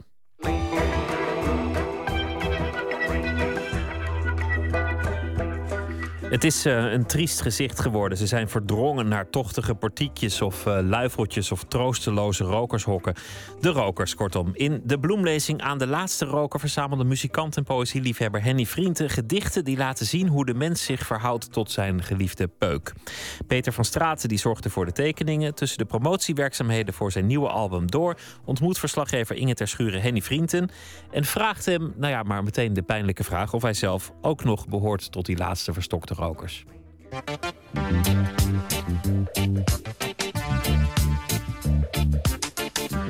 Nou, wel heel lang niet, niet meer één per dag. En ook niet s'nachts. Ik ben ongeveer ehm, even kijken, 4, 35 jaar geleden gestopt met roken. Maar ik was wel een verstokt roker. Ik, ik, kende, ik kende verslaving. Ik stopte dus met roken en voelde me gebroken. Dat hield ik zeven weken. Ik vond het echt een hel. Maar ik stopte eigenlijk omdat mijn eerste zoon geboren werd. En dat ik niet wilde dat ik, eh, als ik hem vasthield, dat ik dan zo'n... Ja, rokers stinken namelijk enorm. dat ik dan zo, zo'n walm om me heen had. En, en ook niet in huis. En eh, ik vond het ook wel... eh, ja, als vader heb je ook een voorbeeldfunctie. Dus ik dacht, eh, ik stop ermee. En eh, het is gelukt. Ik dacht eentje maar en nam er toen toch twee. Hey, hey, hey. Het ging meteen weer beter. Ik rook weer als een ketter. Ik ontmoet Henny Vrienden in zijn bibliotheek. Om u een beeld te geven, een ruimte van zo'n 15 bij 5 meter met tegen de wanden boekenkasten, gevuld met alleen maar poëziebundels. Een echte liefhebber dus. Het was voor Henny Vrienden dan ook niet moeilijk om deze bloemlezing samen te stellen. Ja, dat komt allemaal hier vandaan. Hij is gekomen omdat ik ehm, eh, eigenlijk altijd aan het bloemlezen ben. Dat wil zeggen, ik lees wat en dan denk ik... hé, hey, ik las gisteren ook al een gedicht over roken. Eh, weet je wat, ik ga, ik ga ze maar eens bij elkaar leggen.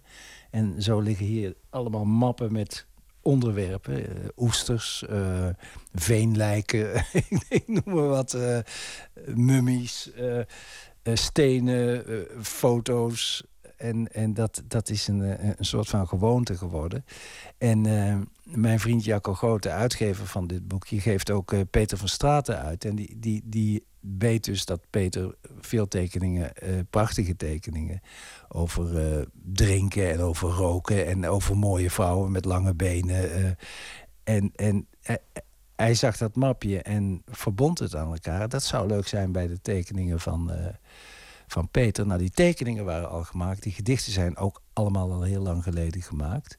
Dus het is, het is een gestuurd toeval dat ze bij elkaar komen. En op welke manier is er een gemene delen te ontdekken eh, als je kijkt naar de manier waarop eh, roken in de poëzie wordt verwoord? Ehm, ja, dan gaat het toch heel erg vaak over ehm, ehm, het afhankelijke van, van de ziel. Dat, eh, het, het, bijna nooit heeft iemand het over eh, de geneugtes van, van, eh, van het, de kringel van roken of de smaak van, van sigaretten. Iedereen heeft het over dat het eigenlijk wel vieze troep is, maar dat ze niet anders kunnen. En in het gedicht van Kopland staat... het verlangen naar een sigaret is het verlangen zelf. En eigenlijk gaan alle gedichten daarover, over het verlangen. Ken je het verlangen naar een sigaret? Naar die gelukkige tijd dat je nog rookte? Niemand begrijpt dit verlangen, behalve ik. Ik herinner mij iemand die altijd als ik iets zei dat ze niet begreep, antwoordde... Op zich is dit heel intrigerend. En ik herinner mij ook dat ik dan die uitspraak een aantal malen in mijn hoofd moest herhalen. Op zich is dit heel intrigerend. Totdat de betekenis verdampt was. God kan ondoorgrondelijke dingen met ons doen. Dankzij het feit dat hij niet bestaat. En zo kunnen ook ondoorgrondelijke dingen worden beweerd dankzij het feit dat ze nergens over gaan. Sinds ik dit bedacht, begrijp ik veel meer. Het verlangen naar een sigaret is het verlangen zelf. De roker is de laatste jaren uit steeds meer plekken verbannen. Het café en restaurant, de werkplek en vele huiskamers. Henny Vrienden voelt dan ook wel enige sympathie met de laatste rokers. Ik doe het met heel grote empathie, en, maar ook wel met een beetje medelijden voor eh, die, die groepjes eh portiekrokers. En eh, vroeger was het zo, als je in een café zat, dan, dan ging je even naar buiten voor de frisse lucht. Als je nu vanuit een café naar buiten stapt, dan moet je eerst langs acht rokers. Dan moet je even je adem inhouden tot je echt bij de frisse lucht bent. En die verkleumde mensen, in, ook bij bedrijven, daar staan er vier mensen zo met een jas te bibberen en dan aan, aan die peuk. eh, ja, dan word ik toch wel door een groot gevoel van, van eh, nou, plaatsvervangende schaamte in de eerste plaats. Maar ook wel medelijden. En, en eh, het ergste wat ik ooit zag was, eh, ik stapte een keer in Amerika over van het ene vliegtuig naar het andere. En dan is er een rookruimte. En dat was in dit geval een glazen doos midden. Dat was op Memphis of zo. Een glazen doos midden op het vliegveld. Eh, eh, de hal dan. En die was helemaal zeg maar melkachtig wit van binnen. Je kon een paar vage schimmen zien, maar dat hing vol met rook. Er was geen goed afzuigsysteem of zo. En toen dacht ik, die mensen zijn daar uit vrije wil. De tweede gedachte was, nee, er is geen vrije wil, want ze lopen hun verlangen na. Is het ook in de, in de poëzie terug te lezen, die, die veranderende manier waarop wij eh, naar het roken kijken? Ja, dus, dus dan, vooral in, eh, niet zozeer in, in, eh, in de poëzie. Eh, want de poëzie is doorgaans wat, wat, wat ouder. Hè. Er staan wel wat, wat contemporaine dingen in van Kampert en, en Jules Deelder en Rutger Kopland, Kopland bijvoorbeeld. Maar de tekeningen zijn veel meer van deze tijd. En, en als er iemand is, een, chroniqueur van, van, van het stadsleven om hem heen, dan is het Peter van Straten natuurlijk. En eh, ja, die zijn enorm geestig. Die, die, die, eigenlijk gaan bijna al die tekeningen over mensen die proberen te stoppen of door, door anderen erop worden gewezen dat, dat ze niet gestopt zijn. En ja, het is de tekeningen. Ik ken eigenlijk niemand die zo zo'n precieze vinger op het tijdsgewricht kan leggen eh, als, als Peter van Straten. Oké, geef mij er dan maar twee. Want met die ene kom ik er niet mee. Al doet mijn leven zeer. En zijn mijn longen zwart van. Het is oké. Geef mij er dan maar twee. Ehm, nu is er deze bundel, maar nu heb je natuurlijk ook net een nieuwe eh, plaat gemaakt. Is er op de een of andere manier een, een kruisbestuiving tussen de, de poëzie en de muziek? Oh, dat zal, dat zal ongetwijfeld, maar niet bij mij. Bij jou bedoelde ik, ja. Ja, niet bij mij. Nee, nee. Ik, ehm, ja, ik heb dat vaker gezegd, maar ik vind een liedje echt wat anders dan een gedicht. Een liedje hangt in de lucht. Het komt via de radio, eh, tussen een heleboel andere lawaai in iemands oren. En dan moet je niet al te moeilijk doen. Dan moet je duidelijk zijn en, en, en, en, en helder. En, en dan moet je niet met de ingewikkelde lagen en metaforen gaan werken, denk ik. Wat wel mag in een gedicht, want je hebt alle tijd om het te lezen. Of je leest het nog eens en je kijkt nog eens en je legt het weg en dan ga je het weer lezen. Ehm, nee, voor, voor mij zijn het verschillende dingen. Maar er zijn wel zangers en schrijvers die in verwarring zijn en de dingen door elkaar halen. En, en, en als je niet per se kijkt op het niveau van de teksten, maar misschien nou, eh, door het lezen van, eh, van poëzie, kom je dan tot bepaalde inspiratie of bij bepaalde gevoelens misschien? Nou, ik, ik heb wel eens gezegd, en, en ik geloof wel dat het zo is... Als je, als je ontroerd en geraakt kunt worden door de rangschikking van vier eenvoudige woorden op papier. Hè? Vier, vier woorden die los van elkaar niets betekenen. En in, in verschillende rangschikkingen iets anders. En, en daar ben je in geïnteresseerd. En dat kan je raken. Ja, dan, als je dan achter de piano gaat zitten, dan, dan, dan word je ook geraakt door vier tonen. En, en die ga je ook rangschikken. En ja, ik, ik heb wel eens eerder gezegd dat het voor mij, denk ik, misschien wel een soort van kunstmest is. Dat ik eh, veel tot mij neem en dat het op een, op een andere manier weer in mijn werk naar buiten komt. Maar niet, zeker niet eh vermomd als poëzie. Op het nieuwe album, wat nu eh, in de winkel ligt, is daar een nummer wat te maken heeft met, met roken? Nou, niet echt. Maar er staat wel een liedje op waar ik onmiddellijk aan moet denken. Aan een café, eh, Café de Oude Maas. En, en de Oude Maas is eigenlijk een, een, een, een groepering, een bundeling van alle cafés... waar ik als jongeling zo mijn eerste biertjes na- naar binnen probeerde te duwen. En eh, in het zuiden dus. En daar kom je merkwaardige figuren tegen in die cafés... die er altijd zitten. En daar gaat dat lied over. En daar zal het ongetwijfeld blauw hebben gestaan van de rook. Laatste ronde schreeuwt de waard en zet de jukebox uit. En Pier staat schuimend op zijn baard, maar dat maakt niet uit. Nog lange niet, nog lange niet, naar huis in Kees Hees voor. Daar klinkt laatste lied door het dronken koor. Oude klaar en jonge wijn, ze stromen door de keel. De oude Maas verzacht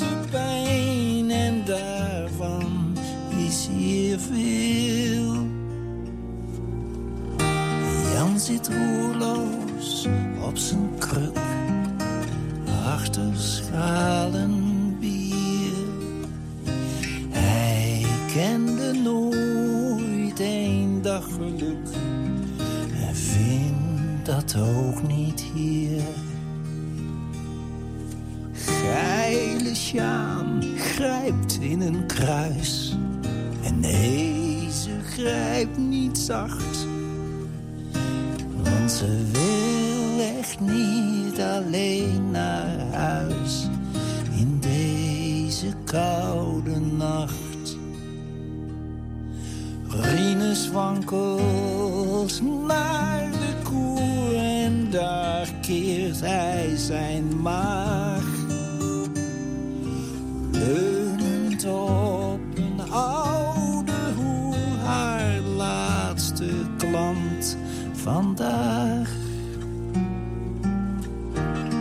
Anne plakt altijd het langst, al wordt het nog zo laat. Want eenmaal thuis regeert de angst en hoopt ze dat hij slaapt.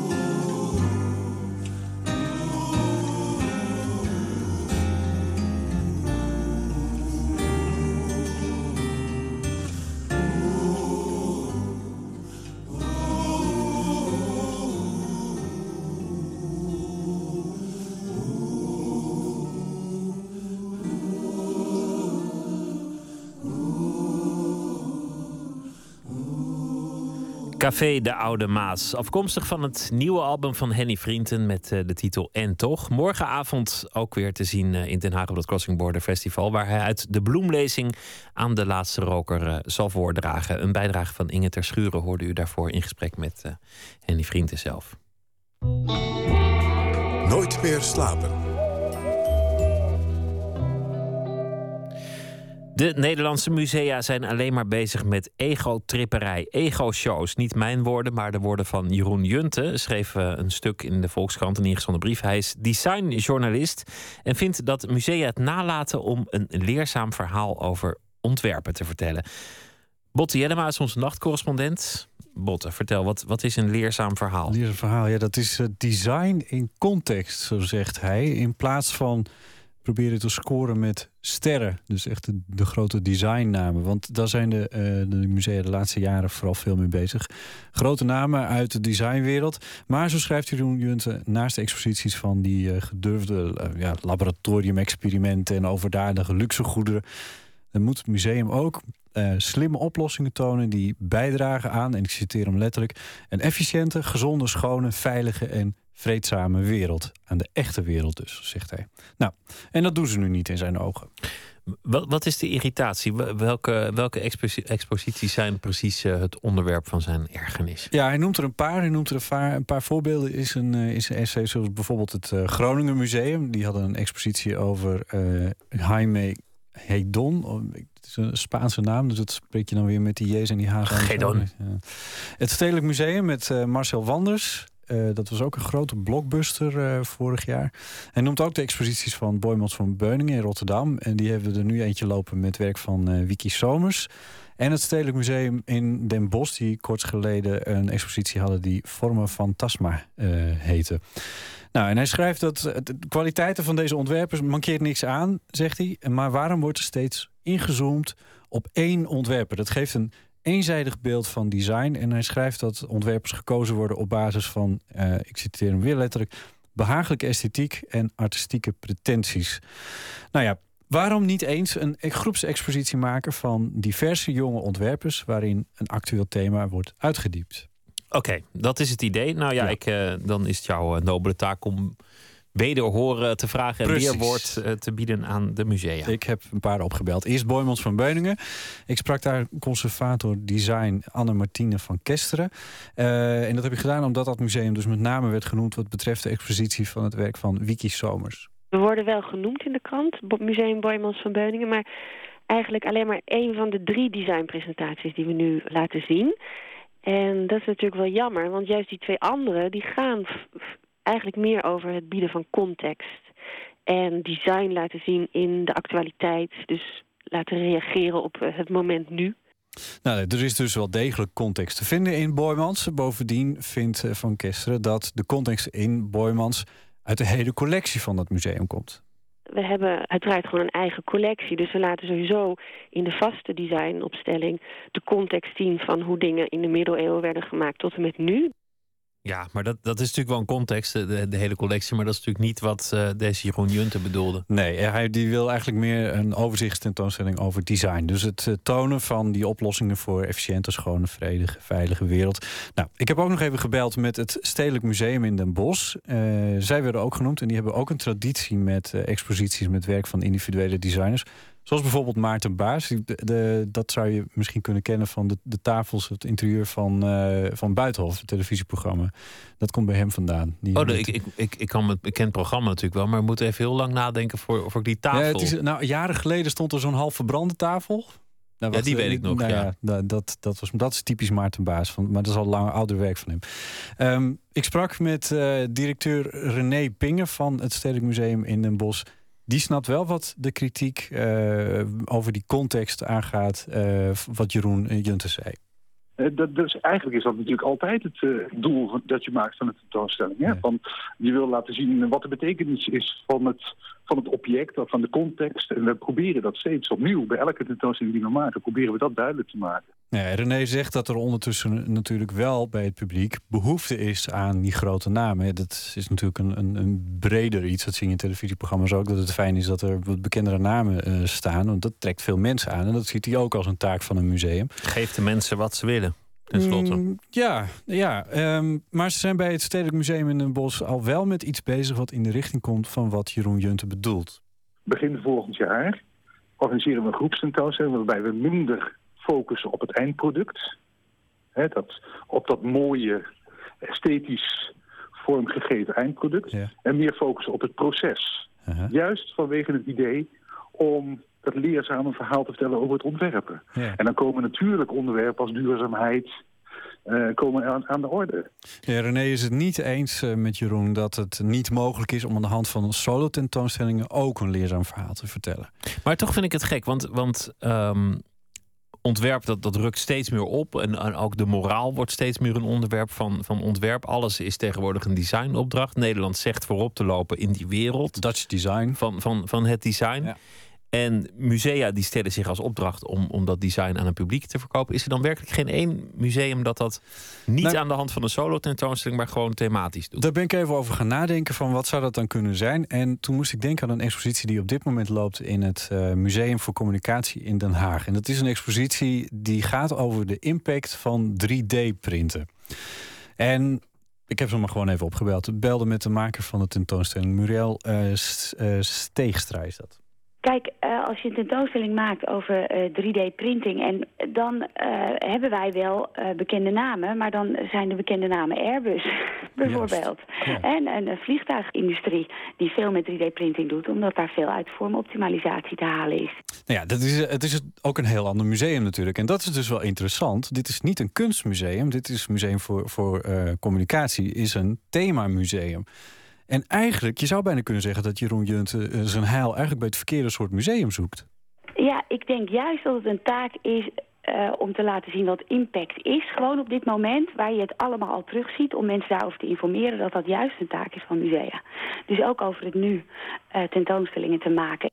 Nou ja, eh, dat is natuurlijk precies iets wat een museum voor communicatie heel erg goed zou kunnen doen. Meer dan een, een kunstmuseum. Ja, en ik, ik denk dan ook eigenlijk aan, aan eh, een wetenschapsmuseum als, als Nemo of, eh, of het Boerhavenmuseum of, of, of, of dat soort gelegenheden die meer, meer vanuit wetenschap dat benaderen. Want design en wetenschap ligt natuurlijk ook heel dicht bij elkaar. Ligt dicht bij elkaar. Eh, je zou eh, ook kunnen zeggen dat, dat kunstmusea daar wel prima iets kunnen, kunnen aanleveren. Maar juist grotere maatschappelijke thema's. En dat is wel een beetje wat hij bedoelt. Hè? Dus als hij het dan heeft over dat... eh, nou, wat was het rijtje ook weer? Eh, de, de, eh, de, de efficiënte, gezonde, veilige, schone, vreedzame wereld... en alles wat daar een bijdrage aan kan leveren... wat uit de designwereld komt. Dat is dan typisch iets wat je in zo'n themamuseum eh, zou kunnen vinden. Meer dan in een kunstmuseum. Ja, ik vind het ook wel een interessante gedachte dat je een betere wereld kunt ontwerpen. Dat, dat blijf ik toch wonderlijk vinden. Dat je, dat Nou- je een betere mens kunt ontwerpen met een, met een app of, of, een, of een functie of een dingetje. Ja, dat, dat is misschien ook wel wat veel gevraagd. Maar het kan, ja, ik bedoel, er, zijn, er zitten inmiddels ook gezondheidsapps in, in je telefoon en, en, en dat soort dingen. Ja, daar kun je als, als individu gewoon voordeel bij hebben. En eh, wat interessant is, is wat, wat er uit die 3D. eh, eh, tentoonstelling in, eh, in het Museum voor Communicatie bijvoorbeeld eh, zit, is wat, nou, wat, wat Muriel net eh, aanhaalt. Onderdelen voor vliegtuigen. Ja, dat toch wel vrij belangrijk dat dat goed gebeurt. En als Ja, nee, dat is- 3D-printer daar, daar voor, eh, bij kan helpen, dan... Ik ben ook niet tegen goed ontwerp en ik ben ook niet tegen, tegen ontwerp met een agenda. En ik vind een watersparende douchekop vind ik ook echt een, een enorme morele vooruitgang. Vanwege het klimaat en dat soort dingen. Maar het, het wordt al met zoveel aplomb gebracht van de ontwerpers die een betere wereld maken. Nou ja, op dit moment wordt er geboord in het gebouw waar we zitten, maar we horen het niet. En dat komt omdat deze studio zo is ontworpen met die, die, die schuim hier op de muur en dat soort dingen, dat het gewoon niet doorkomt tot de microfoon. Nee, dat komt omdat ze even stroopwafels eten zijn. Straks hoor je het gewoon weer. Botte Jellema, dankjewel. We gaan luisteren naar eh, Miranda Louise, een bluesmuzikante uit Nashville, Tennessee. Een eh, heel veelzijdig repertoire heeft ze. De ene keer is de authentieke Chicago blues, maar met hetzelfde gemak maakt ze er gewoon boogie woogie van. We gaan luisteren naar een nummer There's Something on Your Mind.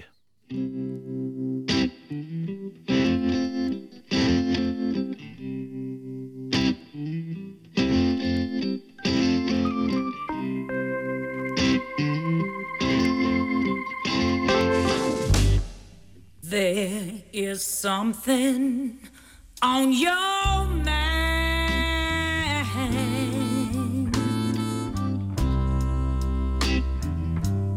By the way that you look at me.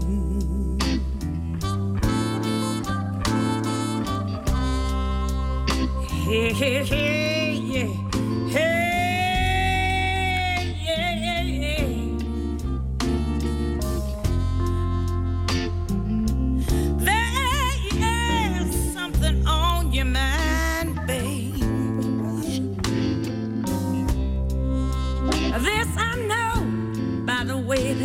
look at me. What you're thinking, it brings such happiness, babe. But Lord,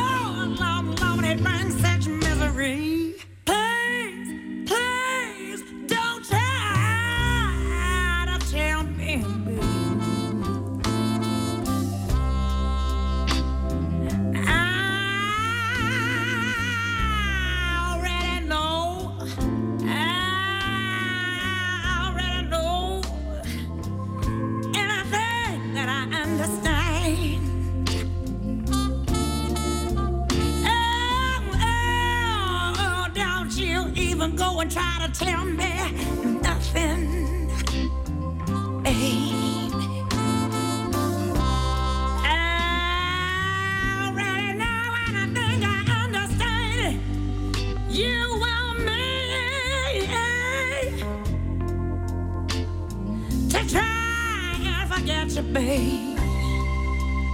Ooh, yeah, gonna do the very best I can.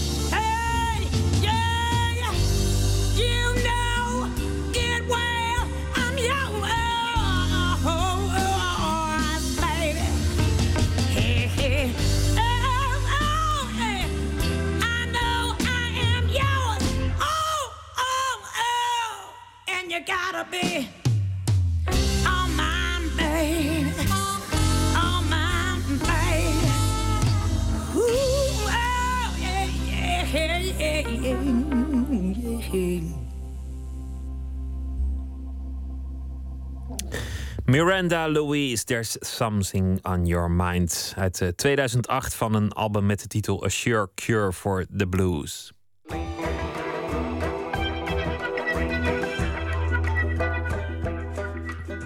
Ja, elke theaterwet is wel een keer gebroken. Maar één wet die staat toch altijd vier overeind. Namelijk dat de hele zaal zo'n beetje wel dezelfde voorstelling krijgt en hetzelfde verhaal ziet. Bij een nieuwe voorstelling van het Vlaamse gezelschap Berlin Berlin is dat anders. Want elk van de bezoekers krijgt een totaal ander verhaal voorgeschoteld. En er kunnen dan ook maar maximaal 30 bezoekers in. Een reportage van Emmy Colau. Het is een theorie al vrij oud eigenlijk. Ehm, dat zegt dat om het even wie op deze wereld je via vijf tussenstappen eh, kan bereiken. Ja, dus ik zou binnen vijf stappen Obama moeten kunnen aanspreken. Dat zegt die theorie, ja. 7 miljard mensen zijn er om en nabij op deze aarde. Het Belgische theatergezelschap Berlin Berlin schotelt in de voorstelling Perhaps All the Dragons het publiek de verhalen van 30 mensen voor. Als bezoeker kies je welk verhaal je wil horen. Uiteindelijk leer je zo vijf mensen beter kennen. Bijvoorbeeld scout Brecht Gijsselink uit Oudenaarde. Deze zomer was mijn uniform nog vuiler dan anders. Er zat zelf bloed op.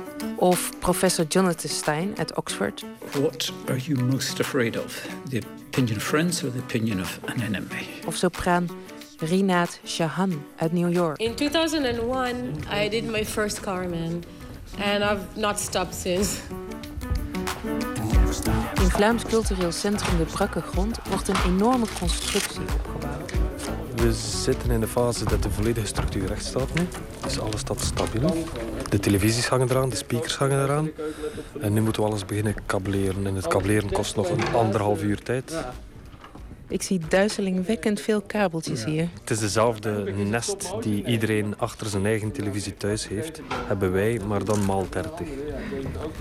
En daar moeten we nu een structuur proberen in te krijgen. Het voelt eigenlijk aan alsof je een restaurant binnenstapt, een afspraak hebt met, een, met iemand die je niet kent, die je een verhaal gaat vertellen. Maar dat je eigenlijk eh 30 mensen hebt die in datzelfde restaurant een afspraak hebben met 30 verschillende mensen. En wat dan onvermijdelijk is als je afspreekt op één en dezelfde plaats, ehm, dat je flarden verhalen meekrijgt van je buurman. Bart Balen is een van de makers van Berlin Berlin. Samen met Yves de Grijze reist hij over de hele wereld om voor hun projecten mensen te interviewen. Zo maakten ze bijvoorbeeld eerder verhalen over Moskou of het dorp Bonanza in de Verenigde Staten. Nu brengen ze mensen die ze eerder ontmoet hebben tijdens hun reizen van overal ter wereld samen in één voorstelling. Een mengeling van fictie en non-fictie, echte mensen en acteurs. Yves de Grijze. Het is eigenlijk die, die lijn tussen eh, fictie en non-fictie, of tussen de echte en de gespeelde, is iets wat, enfin, heel hard in ons werk zit, maar dat we ook totaal niet mee bezig zijn. Het is heel moeilijk voor een publiek om te onderscheiden wie de eh, echte is en wie de vervanger is of de, de gespeelde. Uh, net zoals er, uh, zijn dertig waar gebeurde verhalen ook. Maar er is er eentje niet waar gebeurd. Behalve dat wij dachten dat het waar gebeurd was tijdens de creatie. En ook de mensen die het ons vertelden dachten dat het waar gebeurd was, want het stond in de pers. Het is verschenen als een waar gebeurd verhaal in nationale kranten van dat land. En het is pas tijdens de research dat we ontdekt hebben dat het een, uh, een schrijver was die het ooit gelanceerd had op internet. Dat het opgepikt is als een waar gebeurd verhaal en verspreid is als een waar gebeurd verhaal. Dus het is ook daar die lijn tussen fictie en non-fictie is op één verhaal, uh, bij één verhaal heel dun. Als de voorstelling begint, neem je als publiek plaats op een nog lege stoel in de speciale houten constructie. Voor je een beeldscherm, daarop een nog lege stoel. Na even wachten komt er iemand het beeld inlopen, aarzelend of vastberaden. Die vreemdeling neemt plaats op de stoel tegenover je en hij kijkt je recht aan. En dan begint hij zijn levensverhaal te vertellen. Mijn naam is eh, Bracht Gijslink. Ik ga graag naar de KSA. Ah, ik ben परिवार में eh, een van de verhalen die verteld wordt, een van de personen die zijn levensverhaal verteld wordt, is een eh, interview dat we hebben afgenomen met eh, een Hikikimori. En dat speelt zich in Japan af. Hikikimori is een, een, een term, voor, staat voor de 700.000 jongeren in Japan die zich om elke eigen reden zich opgesloten hebben in hun eigen slaapkamer. En daarvoor minstens een jaar niet meer uitkomen. Dus het uh, interview dat ik heb gedaan met die, uh, met die persoon was, uh, die was 12 jaar, had die zich opgesloten in zijn slaapkamer. Na een, hij had een lezing gegeven op, op een universiteit. Een, werk dat hij had moeten maken voor zijn medestudenten, proberen die lezing te doen. Dat mislukt. Hij gaat naar huis uit schaamte. Um, hij ziet er niet meer zitten om nog buiten te komen. Dus die persoon, uh, daar hebben we een uh, interview mee afgenomen.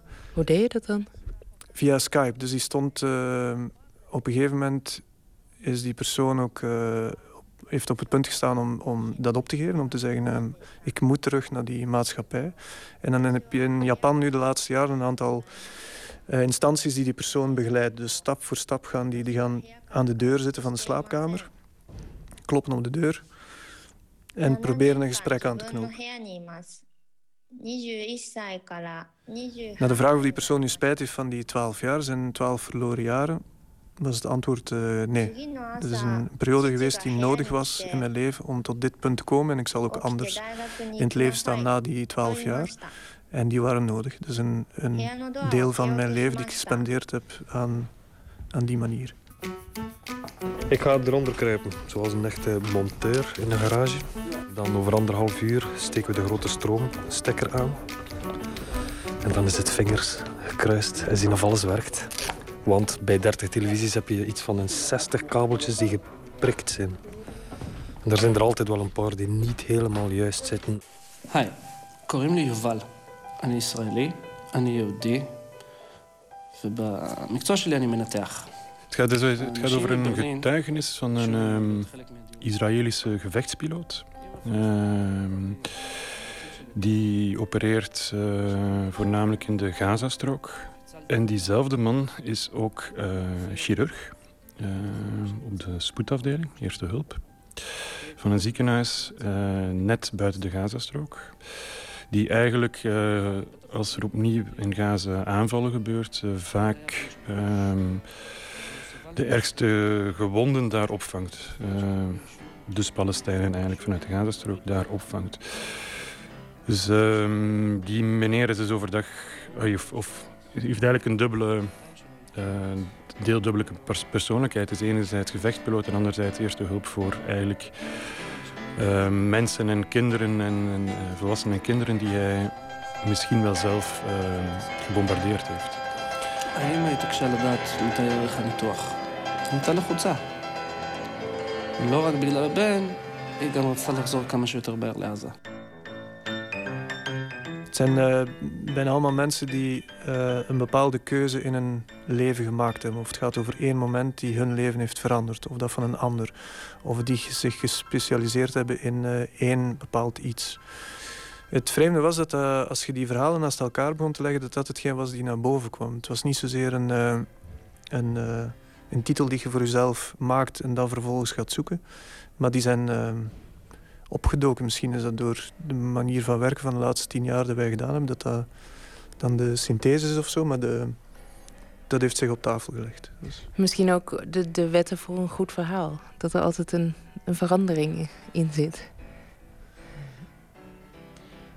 Er zit op zich geen verandering in, maar er, er is wel een, een antwoord op een zekere padstelling. Ehm, ga je links of ga je rechts? In die zin, eh, of ehm, ga je door of stop je ermee? Ehm, of draai je om en keer terug? Mijn moeder vindt ik Mais cochon, ja, ja. Oh, oh, die cochon. Die mee, ja. Say that I know her very well by now. Mais écoute, ça m'est que les She changed.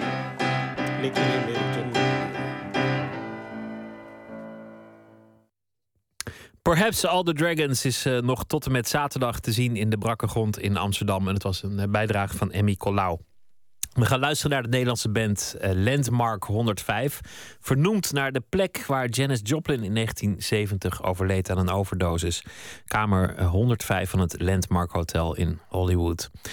We gaan naar muziek draaien van hun eerste echte volwaardige album, This Time. En het nummer heet It Ain't Right.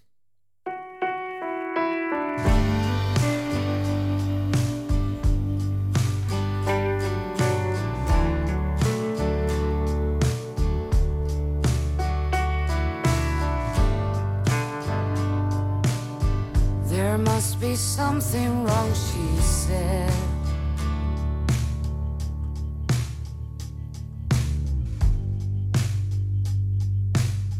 Time rushes by and I can't keep up. I don't wanna hurt no more. I should leave before it stops. I can say goodbye,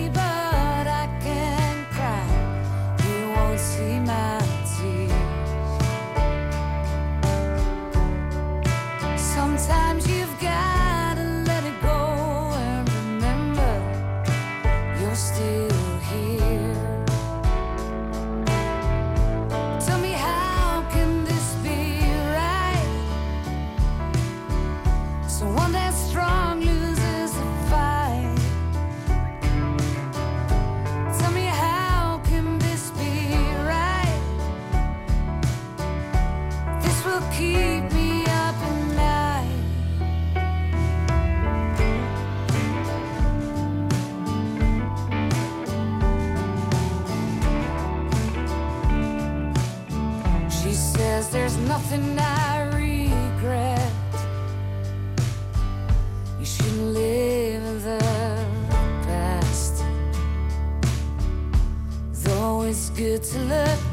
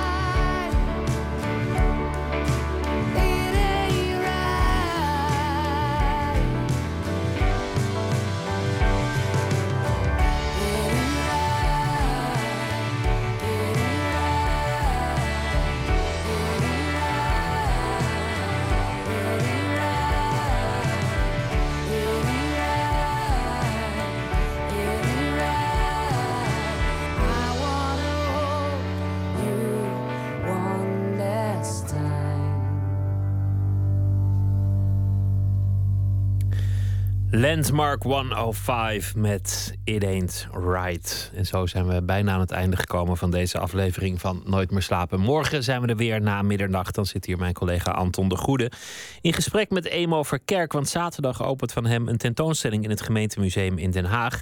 Hij maakt eh, schilderijen en beelden die laten zien wat er kan gebeuren als je de filosofie vrijlaat in een natuurlijke omgeving. En eh, ook aandacht voor een eh Heijermans klassieker, Beschuit met muisjes. Een eh, verhaal waarmee de jonge regisseur Juri Vos zijn debuut zal maken in een grote theaterzaal.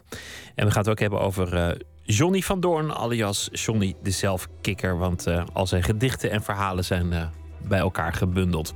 Dat allemaal morgen na middernacht. Ik wens u voor nu een hele goede nacht. En eh, morgen wens ik u een hele vrolijke dag. En eh, graag weer tot dan. Straks op eh, Radio 1 kunt u eh, elkaar eh, wat verstandiger maken en wat slimmer met vragen en antwoorden bij de nachtzuster Astrid de Jong. Die staat al helemaal klaar en heeft er zin in. Dus ik wens u ook daarbij heel veel plezier. Een hele goede nacht.